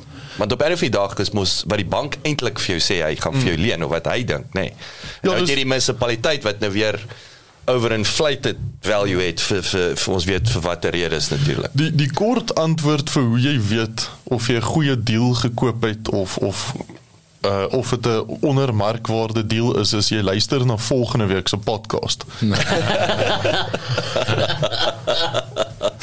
volgende week gaan ons dit Well spesifiek done my son. well done. volgende week gaan ons dit spesifiek ehm um, bietjie na kyk en en kyk na die B van die MBA wat dan nou Berekeninge. is. Vandag wil ek gou vinnig op die M fokus wat wat die gemotiveerde verkoper is. So daar daar's 'n verskillende plekke waar mens gemotiveerde verkopers kan kry. Die die eerste een het ons uh um, ook laasweek so vinnig net aangeraak, maar dit is veilings. So mense kry hoofsaaklik twee tipes veilinge en ek gaan nie nou te diep in veiling self ingaan nie want dis 'n hele reeks podcasts op sy eie. Maar ehm um, jy kry hoofsaaklik twee tipes veilinge. Jy kry die sheriff veiling en dan kry jy 'n privaat veiling. So die sheriff veiling is o gewoonlik en en Mares sal vir ons meer hy, hy sal my uh, hierso kan uh, eerlik hou. Ehm um, en maar in geval die sheriff veiling is as jou huis nou teruggevat word, dis dis nie jy kies dat jou huis ge, op uh, auction gaan nie, dit dit het nou gebeur. Ehm um, wat ek die verskil tussen 'n privaat veiling en en 'n sheriff veiling van die belegger se oogpunt af is by die sheriff veiling sit jy gewoonlik te veel mense in 'n te klein vertrek en dan word daar op een dag of of 'n paar ure miskien 10 of 15 of 20 eiendomme ehm um, ge, geveil opgeveil Borsmasjien. en jy kry nie noodwendig toegang tot die eiendom voor die tyd nie. Jy weet nie presies hoeveel agterstallige skuld hy het nie. Hulle moet dit op die dag van die veiling vir jou gee, maar nou moet jy daai daai berekeninge afjaag gou-gou agter op die boksie Stuyvesant mm. en en nou moet jy gou daai somme maak om te sien of, hoeveel kan jy nou be of nie. en dis dis dis uh, by 'n veiling ook nie gewone koopterme nie nê nee. jy hè Daar daar's baie ander koopterme en jy moet dadelik 'n paar rand neersit daar jy jy gaan 'n paar rand saam moet vat in jou beursie ehm um, en daarso is dan nou kommissies en wet en allerlei Ja, en, en, goedjies en jy's daai berekeninge. Ek het 'n lekker storie van hoe ek op 'n veiling vir myself 'n trap gekoop 'n Yaris gekoop het. Ehm um, en ek het gegaan om Dis 'n neer is eintlik. Wel ek wou 'n helikopter gekoop en toe koop ek 'n kar. En, uh, maar dis 'n storie vir 'n ander dag. In elk geval en dan 'n uh, 'n privaat veiling is gewoonlik op die perseel ehm um, daar word die die reëls word ook voor die tyd kan vir jou ge-email word so jy kan reeds al die inligting voor die tyd sien. Nou die rede waarom ek nou begin met veilings is met die gemotiveerde verkoper is al beide of dit 'n sheriff auction of 'n 'n privaat veiling was beide van daai mense wie se huis op veiling is is of was gemotiveerde verkopers op 'n stadium maar dit het te ver gegaan in in die geval van die sheriff auction en nou is nou s hulle nie meer gemotiveerde verkopers nie, hulle is nou net in die moeilikheid. Dis nou dis nou te laat. So wat ek vandag vinnig aan wil raak is hoe kon ons by daai persoon uitgekom het voor die auction? En en uh, actually 'n goeie deal gedoen het en ek sal so so een of twee voorbeelde noem wat ek al in die verlede teëgekom het. So, ekskuus, nou ek eers hier my my notaatjie net note uitfigure. vinnig vinnig Gee sy noteboek, gee sy noteboek terug, maar Dit gebeur so so bes nie. best, Ja, gee die noteboek terug. In 'n geval so so hoe identifiseer ons 'n gemotiveerde verkoper? Hoe lyk 'n gemotiveerde verkoper dat jy ten minste weet as jy in een uh, raakloop? So daar's 5 D's wat gewoonlik 'n gemotiveerde verkoper uh, sy motief gee. So ek gaan so vinnig net deur die 5 D's gaan. So die eerste D is dood. So as daar nou dood in die gesin is, oupa's dood, ehm um, oupa se huis gaan in die boedel in. Die mense wat agterbly wil nie noodwendig daai eiendom hê nie en hulle is gemotiveerd om van daai huis net ontslae te raak. Ehm um, daar is dalk daar kort dalk kontant in die boedel. So nou kan ons hom uit die boedel uitkoop sodat daar kontant in die boedel is en dood is altyd een van die tekens vir 'n gemotiveerde verkoper. Dit is dit, dit skep die potensiaal. Die tweede ene is disease. Ehm um, 'n voorbeeld hierso wat vir my die meeste sin maak altyd is gestel een van my kinders kry 'n siekte wat baie baie duur behandeling nodig het en ek moet dalk 'n trip uh, Amerika toe doen om die regte behandeling te kry, gaan ek glad nie ingedoen voel as ek een van my eiendomme verkoop teen 20% minder as wat hy werd is, maar iemand gee my vinnig kontant dan is dit 'n wen-wen situasie en dis wat ek altyd sê dit dit moet 'n wen-wen situasie wees as jy met 'n gemotiveerde verkoper werk. Ehm um, daai persoon het geskoor om die huis vir goedkoper te kry, maar ek het die kontant vinnig nodig gehad en ons albei het gewen. So disease is dan die tweede ene. 'n Derde ene waar ek al baie goeie luck gehad het in in die verlede is dan divorce. Ehm um, soms wil 'n man en 'n vrou net absoluut alles doen om weg van mekaar af te wees. En dan is daar hierdie een ding wat hulle by mekaar hou en dit Hulle is kan nie die hierdie- huis in die helfte saag nie. Hulle kan nie hom in die helfte saag nie. En ehm um, dan dan uh, moet hulle Dit is my vrou sal nou staan op almal se voorkoppe. Ek sien alles wat op julle voorkoppe Ja. staan. Hulle moes dalk net van die begin af nie gesaag het nie. en dan sou hulle nou nie hierdie huis hoef te verkoop Gesaag het nie. maar, maar in elk geval so so as ek so vinnig sommer kan noem ek het ek het een keer uh het 'n prokureur na my toe gekom en gesê luister hier- hierdie kliënte van my is nou besig om te skei maar hulle is baie ver agter op al hulle paemente en dit gaan glad nie goed nie en hulle gaan binnekort hulle eiendom verloor. Stel jy belang en en toe ek so van 'n plan daar rondom gemaak. Ek sou net nou net so vinnig gou iets in daai eiendom raak. Dan die volgende ene is departure. So dis iets wat ons baie sien die laaste ruk, wel nie die laaste ruk nie, seker al die laaste 10 jaar wat ons wat ons baie daarvan sien. Ek het intedeel die huis waarin ek heidaglik bly eh, het 'n ou vir homself gebou om in te trek en 'n maand voor hy ingetrek het, toe kry hy werk in Nieu-Seeland. Hmm. So toe is hy 'n motivated seller, gemotiveerde verkoper want hy weet hoe hy moet daai eiendom verkoop in die volgende maand voor hy kan oorgaan om sy by sy nuwe werk te begin. En en hy toe daai lowball offer aanvaar want hy was gemotiveerd. Weereens was voel hy nie ingedoen nie want hy het daai geld nodig gehad om om te kon oorgaan. En dan die laaste ene is debt. Ehm um, so ook obviously ene wat mense nou veral in die COVID tyd baie gesien het, mense wat van hulle bates verloor. Maar ek verloor eerder my bate aan 'n 'n kontantkoper as wat ek dit aan die bank verloor of of op 'n share of auction my huis verloor. So weer eens slegte situasies, maar wen-wen as jy kyk na wat die ander alternatief kon gewees het. Nou waar hang jy uit om sulke deals raak te sien? Nou nou presies dit. Dit is dit wel 'n situasies daai, né? nou nou dit is dan nou juist die volgende gedeelte waaroor ek gou-gou wil praat is is waar kry jy hierdie tipe deals? Drinkgate. Dit sêste D. Ja, jy hoor op die grond. Dis dit. Natuurlik so een van die plekke waar mense gaan as hulle eiendom wil verkoop is altyd hulle gaan maar na eiendomsagente toe. So ek dink as jy ernstig daaroor is om eiendom 'n uh, belegging te maak, dan gaan jy nodig hê om 'n paar goeie verhoudings te hê met eiendomsagente wat spesialiseer in die area waar jy wil belê. Area nou- specialist. Yes, nou kan jy daai area, nou kan jy eintlik 'n area specialist word mm. in daai daar waar jy wil belê. Hoe hoe belangrik want want daai is hoe belangrik is daai area specialist komponent? Mag ons die E-woord sê?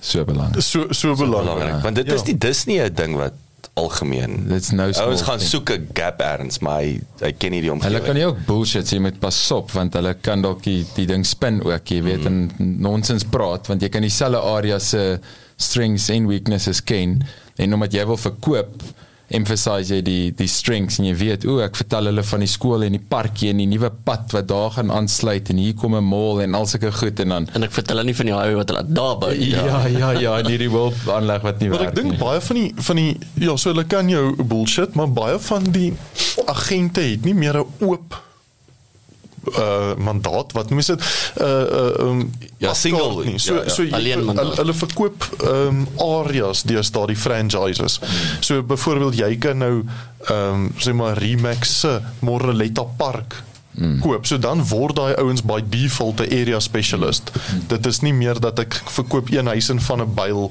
en dan volgende keer daar nie. So die ouens word meer gespesialiseer in hulle areas. Maar die tipe verhouding wat ek van praat is dit moet iemand wees wat jy wat 'n senior persoon in daai area is. So iemand wat nie nie die fly by night Ja, kyk, kyk eh, ek weet ook die in die eiendomsagentskap besigheid was. Wat wat jy gewoonlik kan sien is jy sal daai persoon se gesig oral sien. So weet ek wat in Groenkloof bly, ek sien aansie oral. Jy weet jy, jy daar's 'n persoon en dis nie noodwendig ek dink dis nie gelink aan 'n Remax of 'n Javits of 'n Aida of 'n dis nie partykeer is die groot brand goed, maar baie keer kan jy sien dan die Sari is al net vir ewig. Jy weet sy ken hmm. Waterkloof dalk Ja. Tot En as jy dan Pretoria Oos is Oosie. Hy ja. ken julle hom. Hy is hy is oral. As jy 'n plot of 'n plaas in die ooste is is Oosie jou man. Jy sien hom oral. En ek dink dit is ook bring ook 'n ander punt dat dis nie net altyd area nie. Ja, dit daar is 'n area gebondenheid, maar dit gaan ook oor 'n tipe eiendom want jy kan industrieel, residensieel, kommersieel, mm, mm, plaasgrond, uh, wat ook al en jy wil nie eintlik daai daai lyne kruis nie. Iemand wat 'n residensiële ding en 'n commercial ding is ander valuation factors dis alle ander ehm um, totale ander ekonom economic So so die die MBA strategie is 'n residensiële strategie. Mm, so ek ja. het ek kan oop en eerlik ehm um, sou sê ek het geen ervaring in kommersieel of enigiets buite die normale. Ek het geen ervaring in ontwikkeling nie. Ehm um, my hele strategie gaan daar rondom om 'n gemotiveerde verkoper te gaan soek 'n deal op die tafel te sit en befondsing daarvoor op een of ander manier om 'n woonhuis vir 'n bargain te kry. Yes. So so eiendomsagente, dit is een van die mense waans dit kan gesoek. So jy wil op hulle lysie kom in hulle swart boekie. So die dag wat ehm, 'n um, goeie deal inkom as die as die die agent sien dit is 'n gemotiveerde verkoper Hulle jou eerste voor bel. hulle daai ding nog op property 24 sit moet hulle jou eintlik bel en sê weet jy hierdie is iemand wat dalk 'n 'n kontant koop moet doen hmm. en die beste manier om eiendom te koop is kontant maar dit hoef nie jou eie te wees nie en um, daarbey sal ons dan nou kom in in 2 weke van Maar dis 'n nou belangrike gesprek want dit wat jy nou sê ehm um, is eintlik baie contradicting tot wat jy die ander dag gesê het in terme van hoe jy juis met eiendom die financing mechanism van 'n deposit en 'n bond mm. leverage om om eintlik juist dit jy jy, jy weet daai wat jy insit teenoor wat jy eventually uitkry en waarop jy jou groei bereken. Nou goed sê met uh, mense moet dit net qualify. Nee, nee, ek sal dit- ja, ja, ek sal dit definitief wanneer sit die bietjie- bank se geld. Wiekie uit tipies wanneer jy kontant sal koop sal jy dit uh, eiendom kontant koop om die deal vinnig en skoon en laag onder markwaarde te kry en dan gaan jy dit oorsit in die bank se geld Yes. in na Ja. die tyd. Jy breach eintlik jouself. Jy breach jouself Ja. of of jy kry iemand om om jou te help Want dit is 'n dit is as 'n algemene reël, kontant koop dalk ja, maar nie hou p- p- eiendom. Ek meen baie van die ouens is ook jy het verskillende gearing strategies en sulke goeters, maar hoe aggressief jy die hele tyd weer en weer leen. Nou ons dis dis dis 'n gesprek en weer verander. ons sal hom dan uh, twee weke van nou af die A daar van die NBA bietjie uitpak.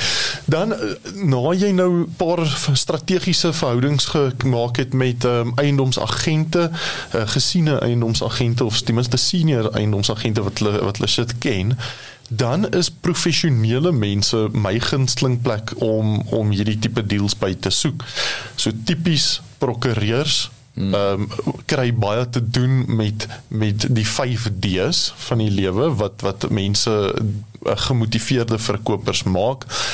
Ehm um, ek het al 'n geval gehad waar ek 'n goeie verhouding het met 'n met 'n CA en hy het vir my 'n deal na my toe verwys van 'n besigheidseienaar. Die besigheid het baie goed gedoen op 'n stadium en hy het 'n klomp eiendomme gekoop in daai tyd, maar toe die besigheid nie meer so goed doen nie en SARS begin aan sy deur te klop en sê hoor jy skuld my nou geld nie nie 21 dae of of 3 maande nie jy moet nou dan raak jy bietjie gemotiveerd om vinnig van 'n eiendom ontslae te raak en dit is waar baie goeie deals kan gebeur En as jy nou sê van prokureurs is ook nie enige prokureur nie. Jy wil eintlik gaan kyk na iemand wat werk eksekuteurs, trustee, liquidateur, daai daai uh, veld is Ja. is die spesifiek is daar's ouens wat nooit met hierdie goed eintlik te doen het nie. Ja, daar's 'n baie wye wye area daarom so mm. so iemand wat met boedels werk is is baie keer 'n goeie persoon om te ken en dan egskeidings Mm, is is ja, dan nou ook yes. een van die so byvoorbeeld nou hierdie een wat ek net nou van van hierdie is nou so my laaste st- stretch dan uh, sal ek klaar wees. So ehm um, die hierdie spesifiek een is die uh, uh, prokureur het na my toe gekom en sy toe nou vir my vertel van hierdie paartjie wat besig is om te skei. So die vrou het eers uitgetrek toe nou uh, uh, uit die huis uit en ehm um, toe sy Duidelik die moeilikheid maak. Ja, ja. en sy toe nou besluit maar as, sy nie meer daar bly nie, dan gaan sy nie meer haar halfte betaal nie. Hmm. En die man sê toe maar as jy nie jou halfte betaal nie, gaan ek nie my halfte betaal nie. En vinnig het dit obviously toe nou sleg gegaan uh, en in die verkeerde rigting gegaan. So daai spesifieke eiendom het het ek toe nou die die ag uh, um, prokureur het my gebel met die toestemming van die eienaars het het ons het ek hulle gekontak en ek het 'n meeting nou eers met die vrou en toe met die man nou gaan bietjie met hulle gaan gesels en toe kom ek nou agter so hulle skuld die bank op daai eiendom 700 000 rand toe nou op daai stadium nog uh, van die verband wat nog oor is. Ehm um, ek het toe nou my berekeninge gaan doen en en op drie verskillende maniere dit gekras reference en gesien die markwaarde van daai eiendom is omtrent 1.1 miljoen rand. Maar hierdie mense het nie nou tyd om na 'n eiendomsagent te toe gaan. Nou list die eiendomsagent die plek. Dan kom daar dalk 'n potensiële koper. Maak 'n aanbod. Aanbod word aanvaar deur hulle en dan val hy deur by die bank. Mm. en teen daai tyd is hulle het die sheriff al lankal hulle eiendom verkoop. So hulle kort iemand hulle kort sekuriteit sekerheid dat daai iemand kan daai plek koop. Vetsak koper. Yes. En ehm um, die lekkerste deel so ek gaan toe nou en ek onderhandel toe met hulle. Ehm um, ek maak 'n aanbod van 785 000 rand, so 85 000 rand meer as wat hulle nog die bank skuld. Ehm um, hulle het so 'n paar ander aftrekkings gehad, soos byvoorbeeld die 3-4 maande wat hulle nou agterstallig was by baie hulle het 'n paar goedjies wat hulle moes uitgesort het. Maar hulle kon nog elkeen met 'n paar rand in die sak uit die deal uitstap en hulle het nie die huis verloor teen teen die ehm um, sheriff nie. So dit was 'n wen-wen situasie, maar in daai geval het ek die eiendom teen so 315 000 rand onder markwaarde gekry en hy is nog steeds deel van my portefeulje in in Centurion. So ek het hom ons 'n uh, kontant gekoop geherfinansier en nou is daar 'n huurder in wat hom maandeliks uh, sy 33% van sy paycheck vir my in my aftrede in my aftrede in belê. En uh, ja, dit is dit is die tipiese goed dis as mens weet waarom die gemotiveerde verkopers te kry maak dit makliker. Die een ding wat ek hou van die deal, die spesifieke een, is ek het nie in 'n vertrek saam met 20 ander mense gesit wat ook daai eiendom wou gekoop het en teen hulle gekompeteer nie. Ek het myself geposisioneer waar dit net dit was 'n one horse race gewees. Dit was net ek en die verkoper wat met mekaar kon gesels en kon genegotiate het tot tot ons die deal kon doen. Nice. Ja, meer 'n persoonlike aanslag. Yes. Hoor jy met ons moet op 'n stadium, ek weet nie of ons uh dalk volgende week of op op sy eie dalk net 'n bietjie juis nou waar en ek weet dus toe ek julle eers keer ontmoet het waar die ouens uh, uh, privaat eiendomme gebruik vir kantoor, wat s'ie do's, don'ts, wat s'ie geleenthede uh om om 'n huis te gebruik as 'n as 'n werksplek, nê. Nee. Ek ek sal definitief daaraan raak in die A gedeelte ook van die MBA. So 2 weke van nou af dan kap ons daai ook. Lekker, lekker. Mm. En is baie dankie en se gewend. Net betyds dokter François. Mm. Welkom. Kom ons uh, skuif hier daar dat ons net gou vir praktiese skuif hier ons sit uh Ek gaan nie so toe. kom ons moet daai kant toe skuif die mics rond. Want ons kan. Sien of 5 FM dit kon regkry. Hmm. FM. Karanda. Kan julle julle mics rond Julle met nader also. Ek kan Daar sê. Goeiemôre. Ja, ek kan lekker sit in die mic in. Dis soos kyk hoe jy soos check jou mangels, né? Nee? Waar ek hom nader skuif. Mens wil nie regtig so naby kom as mense in iemand se mangels kyk nie. Is dit wat jy dink? Fransjo, welkom hier so in die ateljee man. Ons sit uh, ek wil net vandag so Uh Dr. Fransjo van Wyk is uh is 'n GP. Hy's daar in uh, in Harry Smit in die goeie ou Vrystaat. En dan het hy ook 'n uh, uh wat is die regte woord? Dis 'n praktyk. Wat ek weet nie wat is die tegniese terme vir julle ouens Jy het 'n jy het jy jy werk uit 'n garage uit in Pretoria een keer 'n week. een keer 'n lab. Een keer 'n maand. Het 'n lab, skies 'n lab, nie 'n garage. 'n Lab.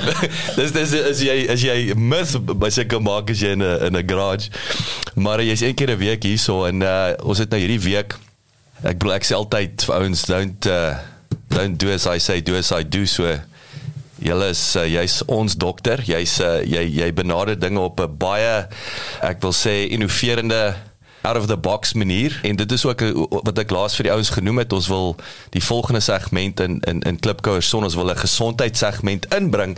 Want een van die goed wat interessant is en ons en ek het jy al baie oor gepraat uh, Deewald en natuurlik François waar veral in besigheid praat ons strategie. Ons praat sagte ware, ons praat mense, ons praat kontrakte. Maar saam praat ons nie oor die belangrikste persoon in die kamer nie, die besigheidspersoon. En hoe werk jy wat hoe werk is jou brein optimaal, is jou energievlakke optimaal? Jy weet hoe deel jy met stres? En daai so ons gaan 'n bietjie daai ek wil sê as deel van 'n besigheidsstrategie wil ek sê gaan ons dit begin uitpak oor die volgende paar maande. Maar baie welkom hierso. Baie dankie. So ek wil sommer die blok uit jy het hierdie week en dit is wat ek gedink het is baie van pas ek het vroeër genoem jy het ons beweeg in 'n in 'n tyd in wat as alles goed gaan jy weet jy en jy's gesond en jy het, en jy het 'n uh, wel cash of 'n familiehuis by die see kan jy uitsien na die strand. Uh ander ouens sit nou weer daar's verliese dink is mos is dit een van die hoogste selfmoordtye van van die jaar. Uh en natuurlik as as besigheidsmense, jy weet ons is ons nou nog gepraat is uitgebrand. Ek sê nou die dag vir ou is nog 2 weke van die jaar oor ek het nog maar ek het 2 maande se werk. Hmm. So uh, unpack that a bit. Wat moet ons 'n bietjie ek wil sê wat is die stand van sake en baie belangrik hoe kan mense dit 'n bietjie net sidestep? Ja, kyk, ehm um, spesifiek aan besigheid, ek dink die die die ding is meeste mense gaan nie aan ag neem dat hulle dat gesondheid 'n uh, essensiële komponent is van besigheid nie. As jy nie ek wil amper sê as jy nie gesondheid het nie, gaan jy gaan jy nie kan gaan werk nie. As jou familie nie gesond is nie, gaan jy nie kan werk nie. Jy gaan nie kan konsentreer nie. Om dit om dit metafories te stel, jy gaan nie op water loop as jy nie bene het nie. So Ek sien Ernest 2 hierso aan die kop. Ek love it. jy gaan jy gaan moontlik kan kruip of probeer kop bo water hou, maar jy gaan nie jy gaan nie daai suksesse bereik nie. Jou brein gaan nie kan kan vars wees nie.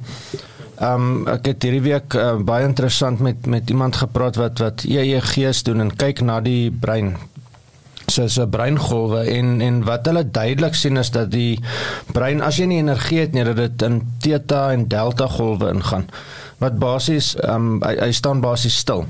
So dat die Theta is mos 'n vorm van jy's jy's gehipnotiseer, is dit nie? dit is basies die die golflengte waarin jou brein ingaan. So so om aktief te dink en te kan konsentreer en nuwe planne maak, daai tipe van goed, het jy moet mens gaan dit in delta en in gamma golwe in. So ek dink die die die groot ding is soos 'n mens moeg as as 'n mens moeg is en jy begin daai gevoel van breinfak kry, daai daai dik kop, jy staan in die oggend op, jy kan nie dink nie. Ek, Nee, babbelas nie Ernest. Dit voel dit soos is een. dit is dis dis 'n babbelas, maar dit is nie jy het nie gedrink. Jy het nie gedrink. Jy het daar's geen daar's geen byvoordele. Ja, jy verdien nie die babbelas. Ja. so die ehm um, en, en in daai sin dit dit, raak ongelooflik moeilik om te werk. Dit raak moeilik om nuwe planne te maak. Dit raak moeilik om in jou persoonlike verhoudings kreatiewe goed saam te doen. Uh, um, aan die einde van die dag, um, weet as 'n man kom ek baie keer by die huis en vrou lief wil 'n drukkie hê en weet ek dink nie eers aan die drukkie nie. So so sulke tipe goed kan mens uh, baie kortweg En en ek dink dit raak net al hoe meer algemeen. Ek, hierdie hierdie tyd van die jaar is dit was 'n lang jaar. Daar daar baie goed gebeur, daar's oorlog, daar is net so op die op die sideline. Maar in besigheid daar was uitdagings en ek dink ehm um, dit is 'n dit is 'n tyd wat wat mense moeg is en ek dink is belangrik om te besef die energievlakke is laag en omdat die energievlakke laag is, is die kans groter dat jy moontlike depressiewe gemoed kan hê of kan kan nie nie die hoop die lig kan raak sien nie. So so met dit wil ek net duidelik sê daar's iets wat mens daaraan kan doen. Ehm um, as mens by die regte plekke uitkom en en die regte goed doen. Maar ehm um, maar maar dit is 'n realiteit van ons tyd hierdie op hier, op hierdie stadium. So Fransjo het nou gepraat van ons praat nou energie en en en weet en dat jy met 'n babbelas wakker word weet wat sê sê is die, is die fondasie weet wat ek as entrepreneur wat wat wat doen jy kom ons noem dit nou soos soos Ernest het nou van die 5D's gepraat wat wat sal paar fondasiestappe wees wat jy sal sal sê Wel nommer 1 is ek dink is om dit om dit te besef om dit raak te sien. Hmm. Want as jy nie weet nie dan is dit nou soos 'n amoeba wat in 'n vuur inkruip. Hy het mos nie oë nie, hy kruip in die vuur in Jy praat nie so lelik van ons oupa grootjies nie. Wat wat En as as hy in die vuur is dan kom jy agter maar maar dis nie lekker hierso nie. Verstaan? So so dit is belangrik om jou om jou oë te kan oop hou. So ons het iets nodig om te kan kan raak sien. Nou as daar um iets is soos jy moet in die oggend opstaan voor die spieël gaan staan en jouself motiveer om werk toe te gaan. Dan moet jy weet jy's in groot moeilikheid want want ehm um, ja, jy gaan nog die golf kan uitry, maar jy gaan nie jy gaan nie weer kan uh, 'n nuwe projek aanpak en goed en dit goed doen nie. En en ek dink dit is nodig om om in hierdie wêreld kreatief en en te kan reg dink as my as mens by die werk is. So ek dink die enigste eerste ding is jy moet dit kan raak sien. So is dit is dit so. Ek wil sê en, en ek en ek hoor wat jy nou sê, is dit soms so eenvoudig dat ons dit miskyk is daai ek sukkel om uit die bed uit op te staan. Dit is so eenvoudig soos dit. En ek sien lus om te gaan werk nie. Kyk as as as dit so Ek praat nie van jou wat sy werk haat nie. Jy weet daar's jy moet nou onderskei tussen die twee. Ja. Nee, die die as jy as jy sukkel om uit die bed uit te kom, dan is jy, dan is daar al 'n paar goed fout. Verstaan dan is jy dat jy al, dalk nie bene nie.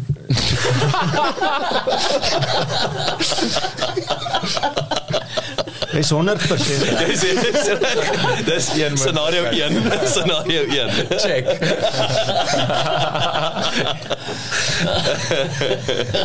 Sien die, die ding is maar jy kom eers agter jy het nie bene nie as jy nie bene het nie. Mm. En en en my my hele benadering is ek wil nie daar uitkom nie. Ehm um, so so ek sien gewoonlik pasiënte wat alreeds daar is dat hulle nie bene het nie. Mm. Alreeds daar is dat hulle uh, bene afgesny word en en ek het net besef ek gaan nie 'n werklike verskil maak as ek nie baie vroeër kan inkom en sê mm. Maar kyk hierso, jy's besig, jy jy sukkel om uit die bed uit te klim. Die boer wat op die in die bakkie begin sit en al oefening wat hy kry, sy arm waai. Want hy hy sê vir hy dis die klein kinders wat nou moet inkom. Dit is te laat. Ons wil energie as jy eers energie verloor het en ek praat nie van energie nie want want, want dit gaan oor die energieproduksie vermoë.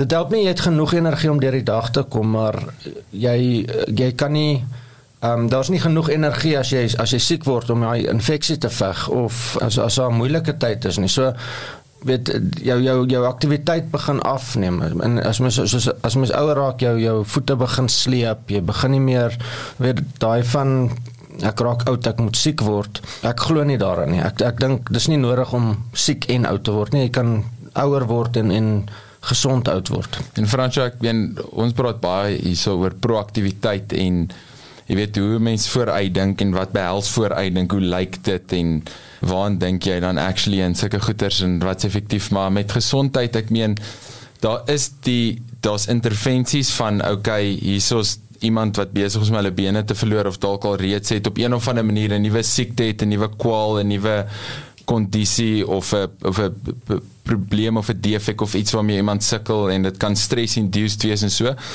Maar ek meen vir jou wat half dinge na die fundamentals toe vat, na die heel basics toe. Daar's sekere goed wat jy kan doen as 'n dokter en sê goed, hierso's 'n 'n quick cure wat jou vinnige lowing fruit net twee levels op gaan kry. Maar maar lewenstyl ons kan nie om dit kom nie. Nee, daar's sekere die basics, die goed wat ons almal klaar weet slaap, oefen, water, groente, lag. Uh, dit is so mens moet dit net sê, nee, dit is dit is die primêre intervensie is gaan check die vitals en en spandeer 'n bietjie tyd aan dit. Dit dit maak 'n massive verskil seker. Ek dink nommer 1 hierso is ek ek ons moet net eers uit die uit die weg ruim dat die ou wat sy kop heeltyd in 'n muur stamp. Hou op om jou kop teen die muur te stamp. Hmm. So so die ou wat ongesond is en duidelik ongesond is, hy moet net ophou om dit te doen. Hmm. So dit al klaar gaan 'n groot verskil maak in in meeste mense. En ek en ek wil daai beklemtoon want daai is actually so is so eenvoudig maar dis dit is wat's profound in Afrikaans. Insiggewend. Ja. Nee. Dat hou op om om gesond te wees. Die wat die ouens baie keer afsit is dit o, hel, ek moet nou gaan CrossFit, nê? Nee? Mm. Nee, moenie worry oor die CrossFit nie. Moenie worry oor die feit ek sê altyd doen die een push-up. So moenie eers worry oor die een push-up nie. Soos jy altyd sê op om McDonald's eet elke tweede aand te te eet. Ja, Dit sal klaar, dit sal klaar wees. So dink gehoor van iemand wat sê dis heeltemal presies waar dit sê sê maar jy jy daar's 'n brand en jy het 'n brandblusser. Maar aan die ander kant is iemand met 'n met petrol wat ook op het op die vuur spuit. En jy staan nie met jou brandblusser en dis baie kere van hierdie health remedies se se groot uh, catch is jy moet die moet ophou om die petrol op die vuur te gooi. Jy kan nie net een of ander ginger of iets hierso in pomp nie want jou lewer moet dit ook prosesseer maar partykeer is mense organe oorwerk en hulle hulle rus nooit hulle va, jy vas nooit jy het nooit bietjie tyd van net goeie goed wat deur jou stelsel gaan nie en dit bou op en partykeer moet mens bietjie net ophou nê nee, dit Ja, stop net. Stop dit. Sit daai hamburger neer, Ernest. Tot hier. So so die eenvoud van die saak is en en, en ek probeer dit nou vir pasiënte so eenvoudig as moontlik stel is verhoog jy energie in jou liggaam. Hmm. Ons het deur die, die afgelope 2 jaar gesien met die immuniteit as jy die energie verhoog dan is jou liggaam sterk genoeg om die geveg te wen. Ons het ook gesien die mense wat nie goeie energievlakke het nie en en ek praat nou weer oor die boer wat begin sy sy hand waai wat nie meer uit die bakkie uitklim nie. Hulle hulle hulle kon nie die infeksie wen nie. Hulle het nie eers 'n immuunrespons gehad om mee te begin nie. Jy het mense gekry wat met die hele COVID pandemie koors gekry het. Hulle het geweet hulle is siek, hulle het by my uitgekom, ons het hulle gered baie keer in 'n dag of twee. Maar ehm um, daar was mense wat wat op dag 7, 8 by my aangekom het, glad nie meer longe het nie en dan agterkom, weet dit is oeps. kan nie meer daai vuur Dit is blus te laat, maar hulle het die toets ged- gedop en en ongelukkig in hierdie tyd was dit die die die prys wat jy betaal het was jy dood. Hmm. En in baie ander gevalle eindig dit op dat die persoon lankdurig moeg is, net nie meer kan kan die mas opkom nie. Hmm. So ek dink in daai sin um, het gesondheid 'n uh, major risiko geraak in in besigheid. Hmm. En asemhaling, né? Ons het gisterand 'n bietjie daar gepraat, net so vinnig oor uh, die die die mees obvious ding letterlik stap 1 haal asem vir 'n mens en amper enige iets en selfs die amoeba op sy manier moet ons met uh, ons me metabolisme aan die gang hou en ons dink o eet reg slaap reg bla bla maar asemhaal diep asemhaal deur jou neus asemhaal ehm um, bietjie wim of daai tipe goeters dit dit's verrykend nê nee, dit is ehm um, genius should scrutinize the obvious. Dit lyk so voor die hand liggend dat ons verby dit kyk en dink o ek moet daai ding gaan doen. En meanwhile kan jy vir 5 of 10 minute diep asemhaal en bietjie sulke tipe goed doen en ek meen dit het dit het massive ehm um, gesondheidsvoordele is verniet is daar en dan hè Ja my my ehm um, my seentjie is nou 9 maande oud helaas gebore ek het 6 Ehm um, ja, hy maak vir deel skam, nee. Ja. Mm. Dit dit dit kom dit dit champ, dit 'n mentor. met die met die laaste 2 jaar, hulle was ehm um, in die, in die laaste 2 jaar gebore. En wat wat baie interessant is nou is om te sien hoe daai seentjie wil opstaan teen goed en wil begin loop. Ehm um, is asof hy na sy boeties en die sissies kyk en sê, "Maar joh, ek is agter hierso." Hmm. Hy moet leer loop, hmm. maar nou kom ek agter die mense wat hier by by 50, 60 kom moet weer leer om asem te haal. Hmm. Al net vlak asem die hele tyd. Ja, en dit was nogal dit was ehm um, dit is baie interessant om na daai daai eenvoudige goed weer begin te begin kyk.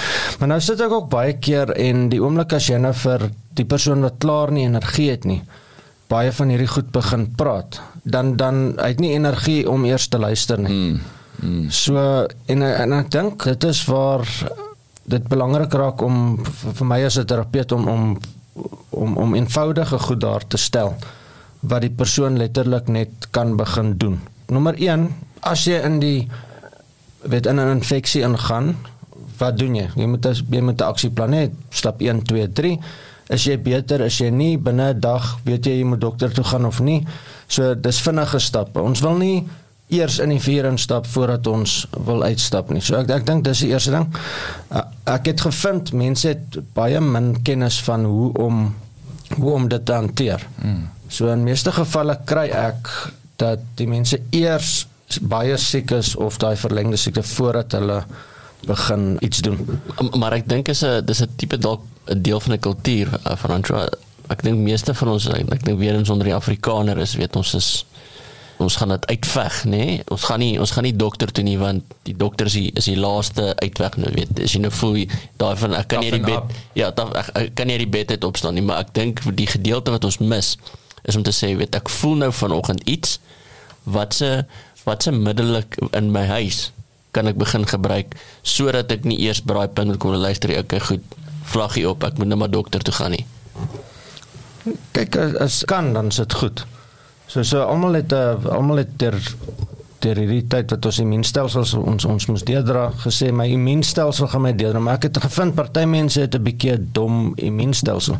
So kry jy 'n intelligente immuunstelsel maar wanneer kry jy dit? Voordat jy siek word So nou as jy siek word, dan het jy klaar die plan, jy het klaar die toerusting by die huis, jy het klaar, jy weet waarna om te kyk en jy kan vinnig optree. Die die en dit is baie eenvoudige goeders en dit gaan oor om weer weer eens die energie metabolisme te verstaan. So so mens moet voorberei wees voor die tyd. As jy siek word, daar's 'n baie belangrike beginsel in die immuunstelsel. Die eerste 2 dae is krities. As jy dit uitsorteer binne die eerste 2 dae dan gaan jou liggaam nie eens aangaan om om energie te gebruik om antiliggame te maak en al daai goed nie want want hy wil energie spaar. So dan is dit klaar uitgesort. Nou dit is ou wat in die ou dae die die boererate was hulle die die gemmer brandewyn gedrink, disprin en en dit gaan uitsweet. En dis wat dit is. So ehm um, as mens dit kan regkry dan dan wen jy. Ek vind net meeste mense kry dit nie reg nie. Hulle hulle dopie toets. Hulle stop by die brandewyn. en dan het hulle brein foggy volgende oggend. So ek wil net vanaand daar twee goed is en ek ek gaan nou ernes op myself trek want uh, weet en kan. ons gaan nou dit is wat opwindend is want jy het nou gepraat van 'n intelligente immuunstelsel. Ons gaan dit uitpak. Ons het gepraat van asemhaling. Jy Franswa, ek dink jy die enigste in die land nou is 'n mobiele VO2 Max masjien, die Pinoy wat uh, en vir die ouens wat nou weet, daai ek dink is um, is maar altyd interessant. Ek weet nie hoekom hulle net so terloops vir Tom Cruise op Maverick hoekom hy op 'n VO2 Max masjien gekoppel is op die treadmill net voor hy in die jet klim nie. Ek dink is 'n bietjie te laat om sy fiksheid te toets voor hy na teen was 'n 10000 km per uur vlieg, maar vlieg maar daai ding wat hy met hardloop is histories is dit vir 'n vir jou top elite atlete bedoel. Nou draai hom fisies in 'n tas dis vir die algemene man beskikbaar, maar ook wat daai ding wat wat vir my fascinerend was, want soos jy hy meet hoe jy asemhaal, nê? Nee, en hoe hoe ek wil sê oneffektief jy kan asemhaal in die in en daai impak waarmee gepaard gaan. So ek wil sê ja, Wim Hof, maar net day to day al mense nie reg asem en dit het implikasies en ons gaan al hierdie goeters uitpak. Mm, ek sien baie daarna. Maar ek wil nou laaste ding so net ek wil sê top 3 tips nou vir vir Desember. Okay, nommer 1 want ek wil ek dit is nou die hartseer realiteit. Ja, hartseer realiteit. Ek dink almal wil nou wil nou juist brandewyn drink en en in braai en vleis eet. So wat wat sou jy sê wat soos 3 of 4 realistiese neem ons uh, broers en ag tips wat jy kan gee? Ek dink dis 'n goeie vraag want daar's baie goed wat 'n mens kan doen. Ehm um, vir Desember gaan ek sê nommer 1 is ehm um, sosiale koneksie. Sit julle selfone neer en en konnekteer weer. Uh dit is een van die goed van van van immuniteit wat eintlik 'n ongelooflike rol speel. Ja. En oor die algemeen in gesondheid, as jy kyk na kardiovaskulêre gesondheid, um, basies enige enige goed. So daar mense is wat jy moet vergewe. Ek weet gaan rus 'n paar dae want dit vat energie en en gaan vergewe hulle want dit is een van die grootste weerstande, twis en en bitterheid. So, steel ongelooflike ehm um, hoeveelheid energie. So ek dink as ons nou in die vakansie ingaan is is daar's tyd. Want in Januarie is daar nie meer tyd nie en en daai goed vat tyd. So ek sou sê dis die eerste ding. Die tweede ding is weet oor voeding is is belangrik. Maar die die uitdaging met met voeding het ek gevind die oomblik as as ek praat oor voeding en en en eet gesond dan dan klink dit 'n bietjie soos werk. En weer eens as jy nie energie het nie, as jy nie lus vir vir huiswerk nie. So daar's maar produkte wat ons ontwikkel het om om energie te gee deurdat ons weer na plante toe gaan en en goed en dit om dit net makliker te maak om die voeding te kry. Want as jy nie um, dit kry nie dan wil amper sê as die die masjien nie geolie is nie, as hy nie kan werk nie, dan kan jy al die die petrol ingooi, maar hy gaan nie kan loop nie. Hy gaan nie die energie kan uittrek wat hy wat hy moet nie. So vir 'n tweede ehm um, punt die derde punt is ehm um, dit sal goed wees om om 'n uh, net vir jou gesondheid 'n uh, aksieplan te hê. Ehm um, of jy nou op vakansie is of by die huis is, maar as jy siek word om dit so vinnig as moontlik net uit te sorteer. Ja, en daai aksieplan is nie die New Year's resolution wat jy vir 'n week gym toe gaan nie, nee. ons praat nie van dit nie. Ek sê altyd vir gesonde mense, jy mag oefen, maar siek mense moenie oefen nie. Hmm. En dis nogal 'n ding baie van die van die gym self is is vol met siek mense want uh, hulle word gesê jy moet oefen om siek te word. Ek het ek het selfs pasiënte wat inkom die dag as hulle griep kry, dan gaan hulle gym toe en gaan oefen. En en dit is my dit klink nou rarig, maar dit dit, dit is die realiteit waarmee waarmee ek sit. So dit klink vir my ons regering is al net laag op energie, nê. Nee. Mm. So op daai noot, maar ehm um, wat is nog iets? Is daar nog iets wat jy vinnig? Ek wil jou ek bang ek van jou nie rede. Is daar nog nog iets wat jy kan dink? Ehm um, ja, ek het ek het nie regtig baie voorberei vir vandag. maar dit was bietjie vinnig. Op, nee, maar hierdie was ja, maar goed, dankie, maar dankie, man. dankie Fransjo, sal klaar. Ek ek's baie opgewonde oor om om hierdie goed uit te pak. Ek dink op, op sigself net die paar goed wat hier genoem is is soos soos Marie gesê, dit is so eenvoudig. Ons ons ons kyk dit heeltemal mis en die feit dat jy selfs net 'n gesondheidsaksieplan het en weer eens is nie rocket science nie nê. Uh, um, dit op sigself en dit kan ons ook 'n bietjie uitpak nê. Was hoe lyk dit? Waarna moet ons kyk vir vir onsself en weer eens ons trek dit terug na ons is ons is besigheidsmense, jy weet en uh, en maar baie ek wil aansluit met daai gesaagryf voorbeeld van net nou, jy weet vergeet ook as mamma en die kinders nie gelukkig is nie, is pappa nie gelukkig nie en dit kan jy nie eers jy kan dit bes onderskat net die impak wat dit het op jou besigheids as sigself. Maar ehm um, verskriklik dankie. Dankie dat jy ingepop het. Dit was 'n plesier. Dankie. Manne, dit was dit was nou 'n uh, dit was nou 'n awesome sessie geweest. Ek het uh, ek het 5 voor 6, ek het nie geweet waar die energie gaan vandaan gaan kom nie. Mm. Daar daar 'n heerlike aand, maar dankie, dit was dit was awesome soos gewoonlik en julle moet 'n lekker naweek hê. Dankie julle. Cheers. Tata. Dankie dat jy geluister het. Besoek asseblief ons webwerf by www.klipkouers.com. Teken sommer in sodat ons jou op hoogte kan hou. Baie belangrik gaan luister na ons ander potgooi reeks en episode op Spotify, Apple Podcasts of YouTube. Baie belangrik as jy hou van wat jy hoor, los asseblief 'n resensie sodat ander lekker mense soos jy van ons episode te hore kan kom. En kom volg ons op sosiale media. Besoek net vir Klipkouers op Facebook, Instagram, Twitter, TikTok en natuurlik LinkedIn.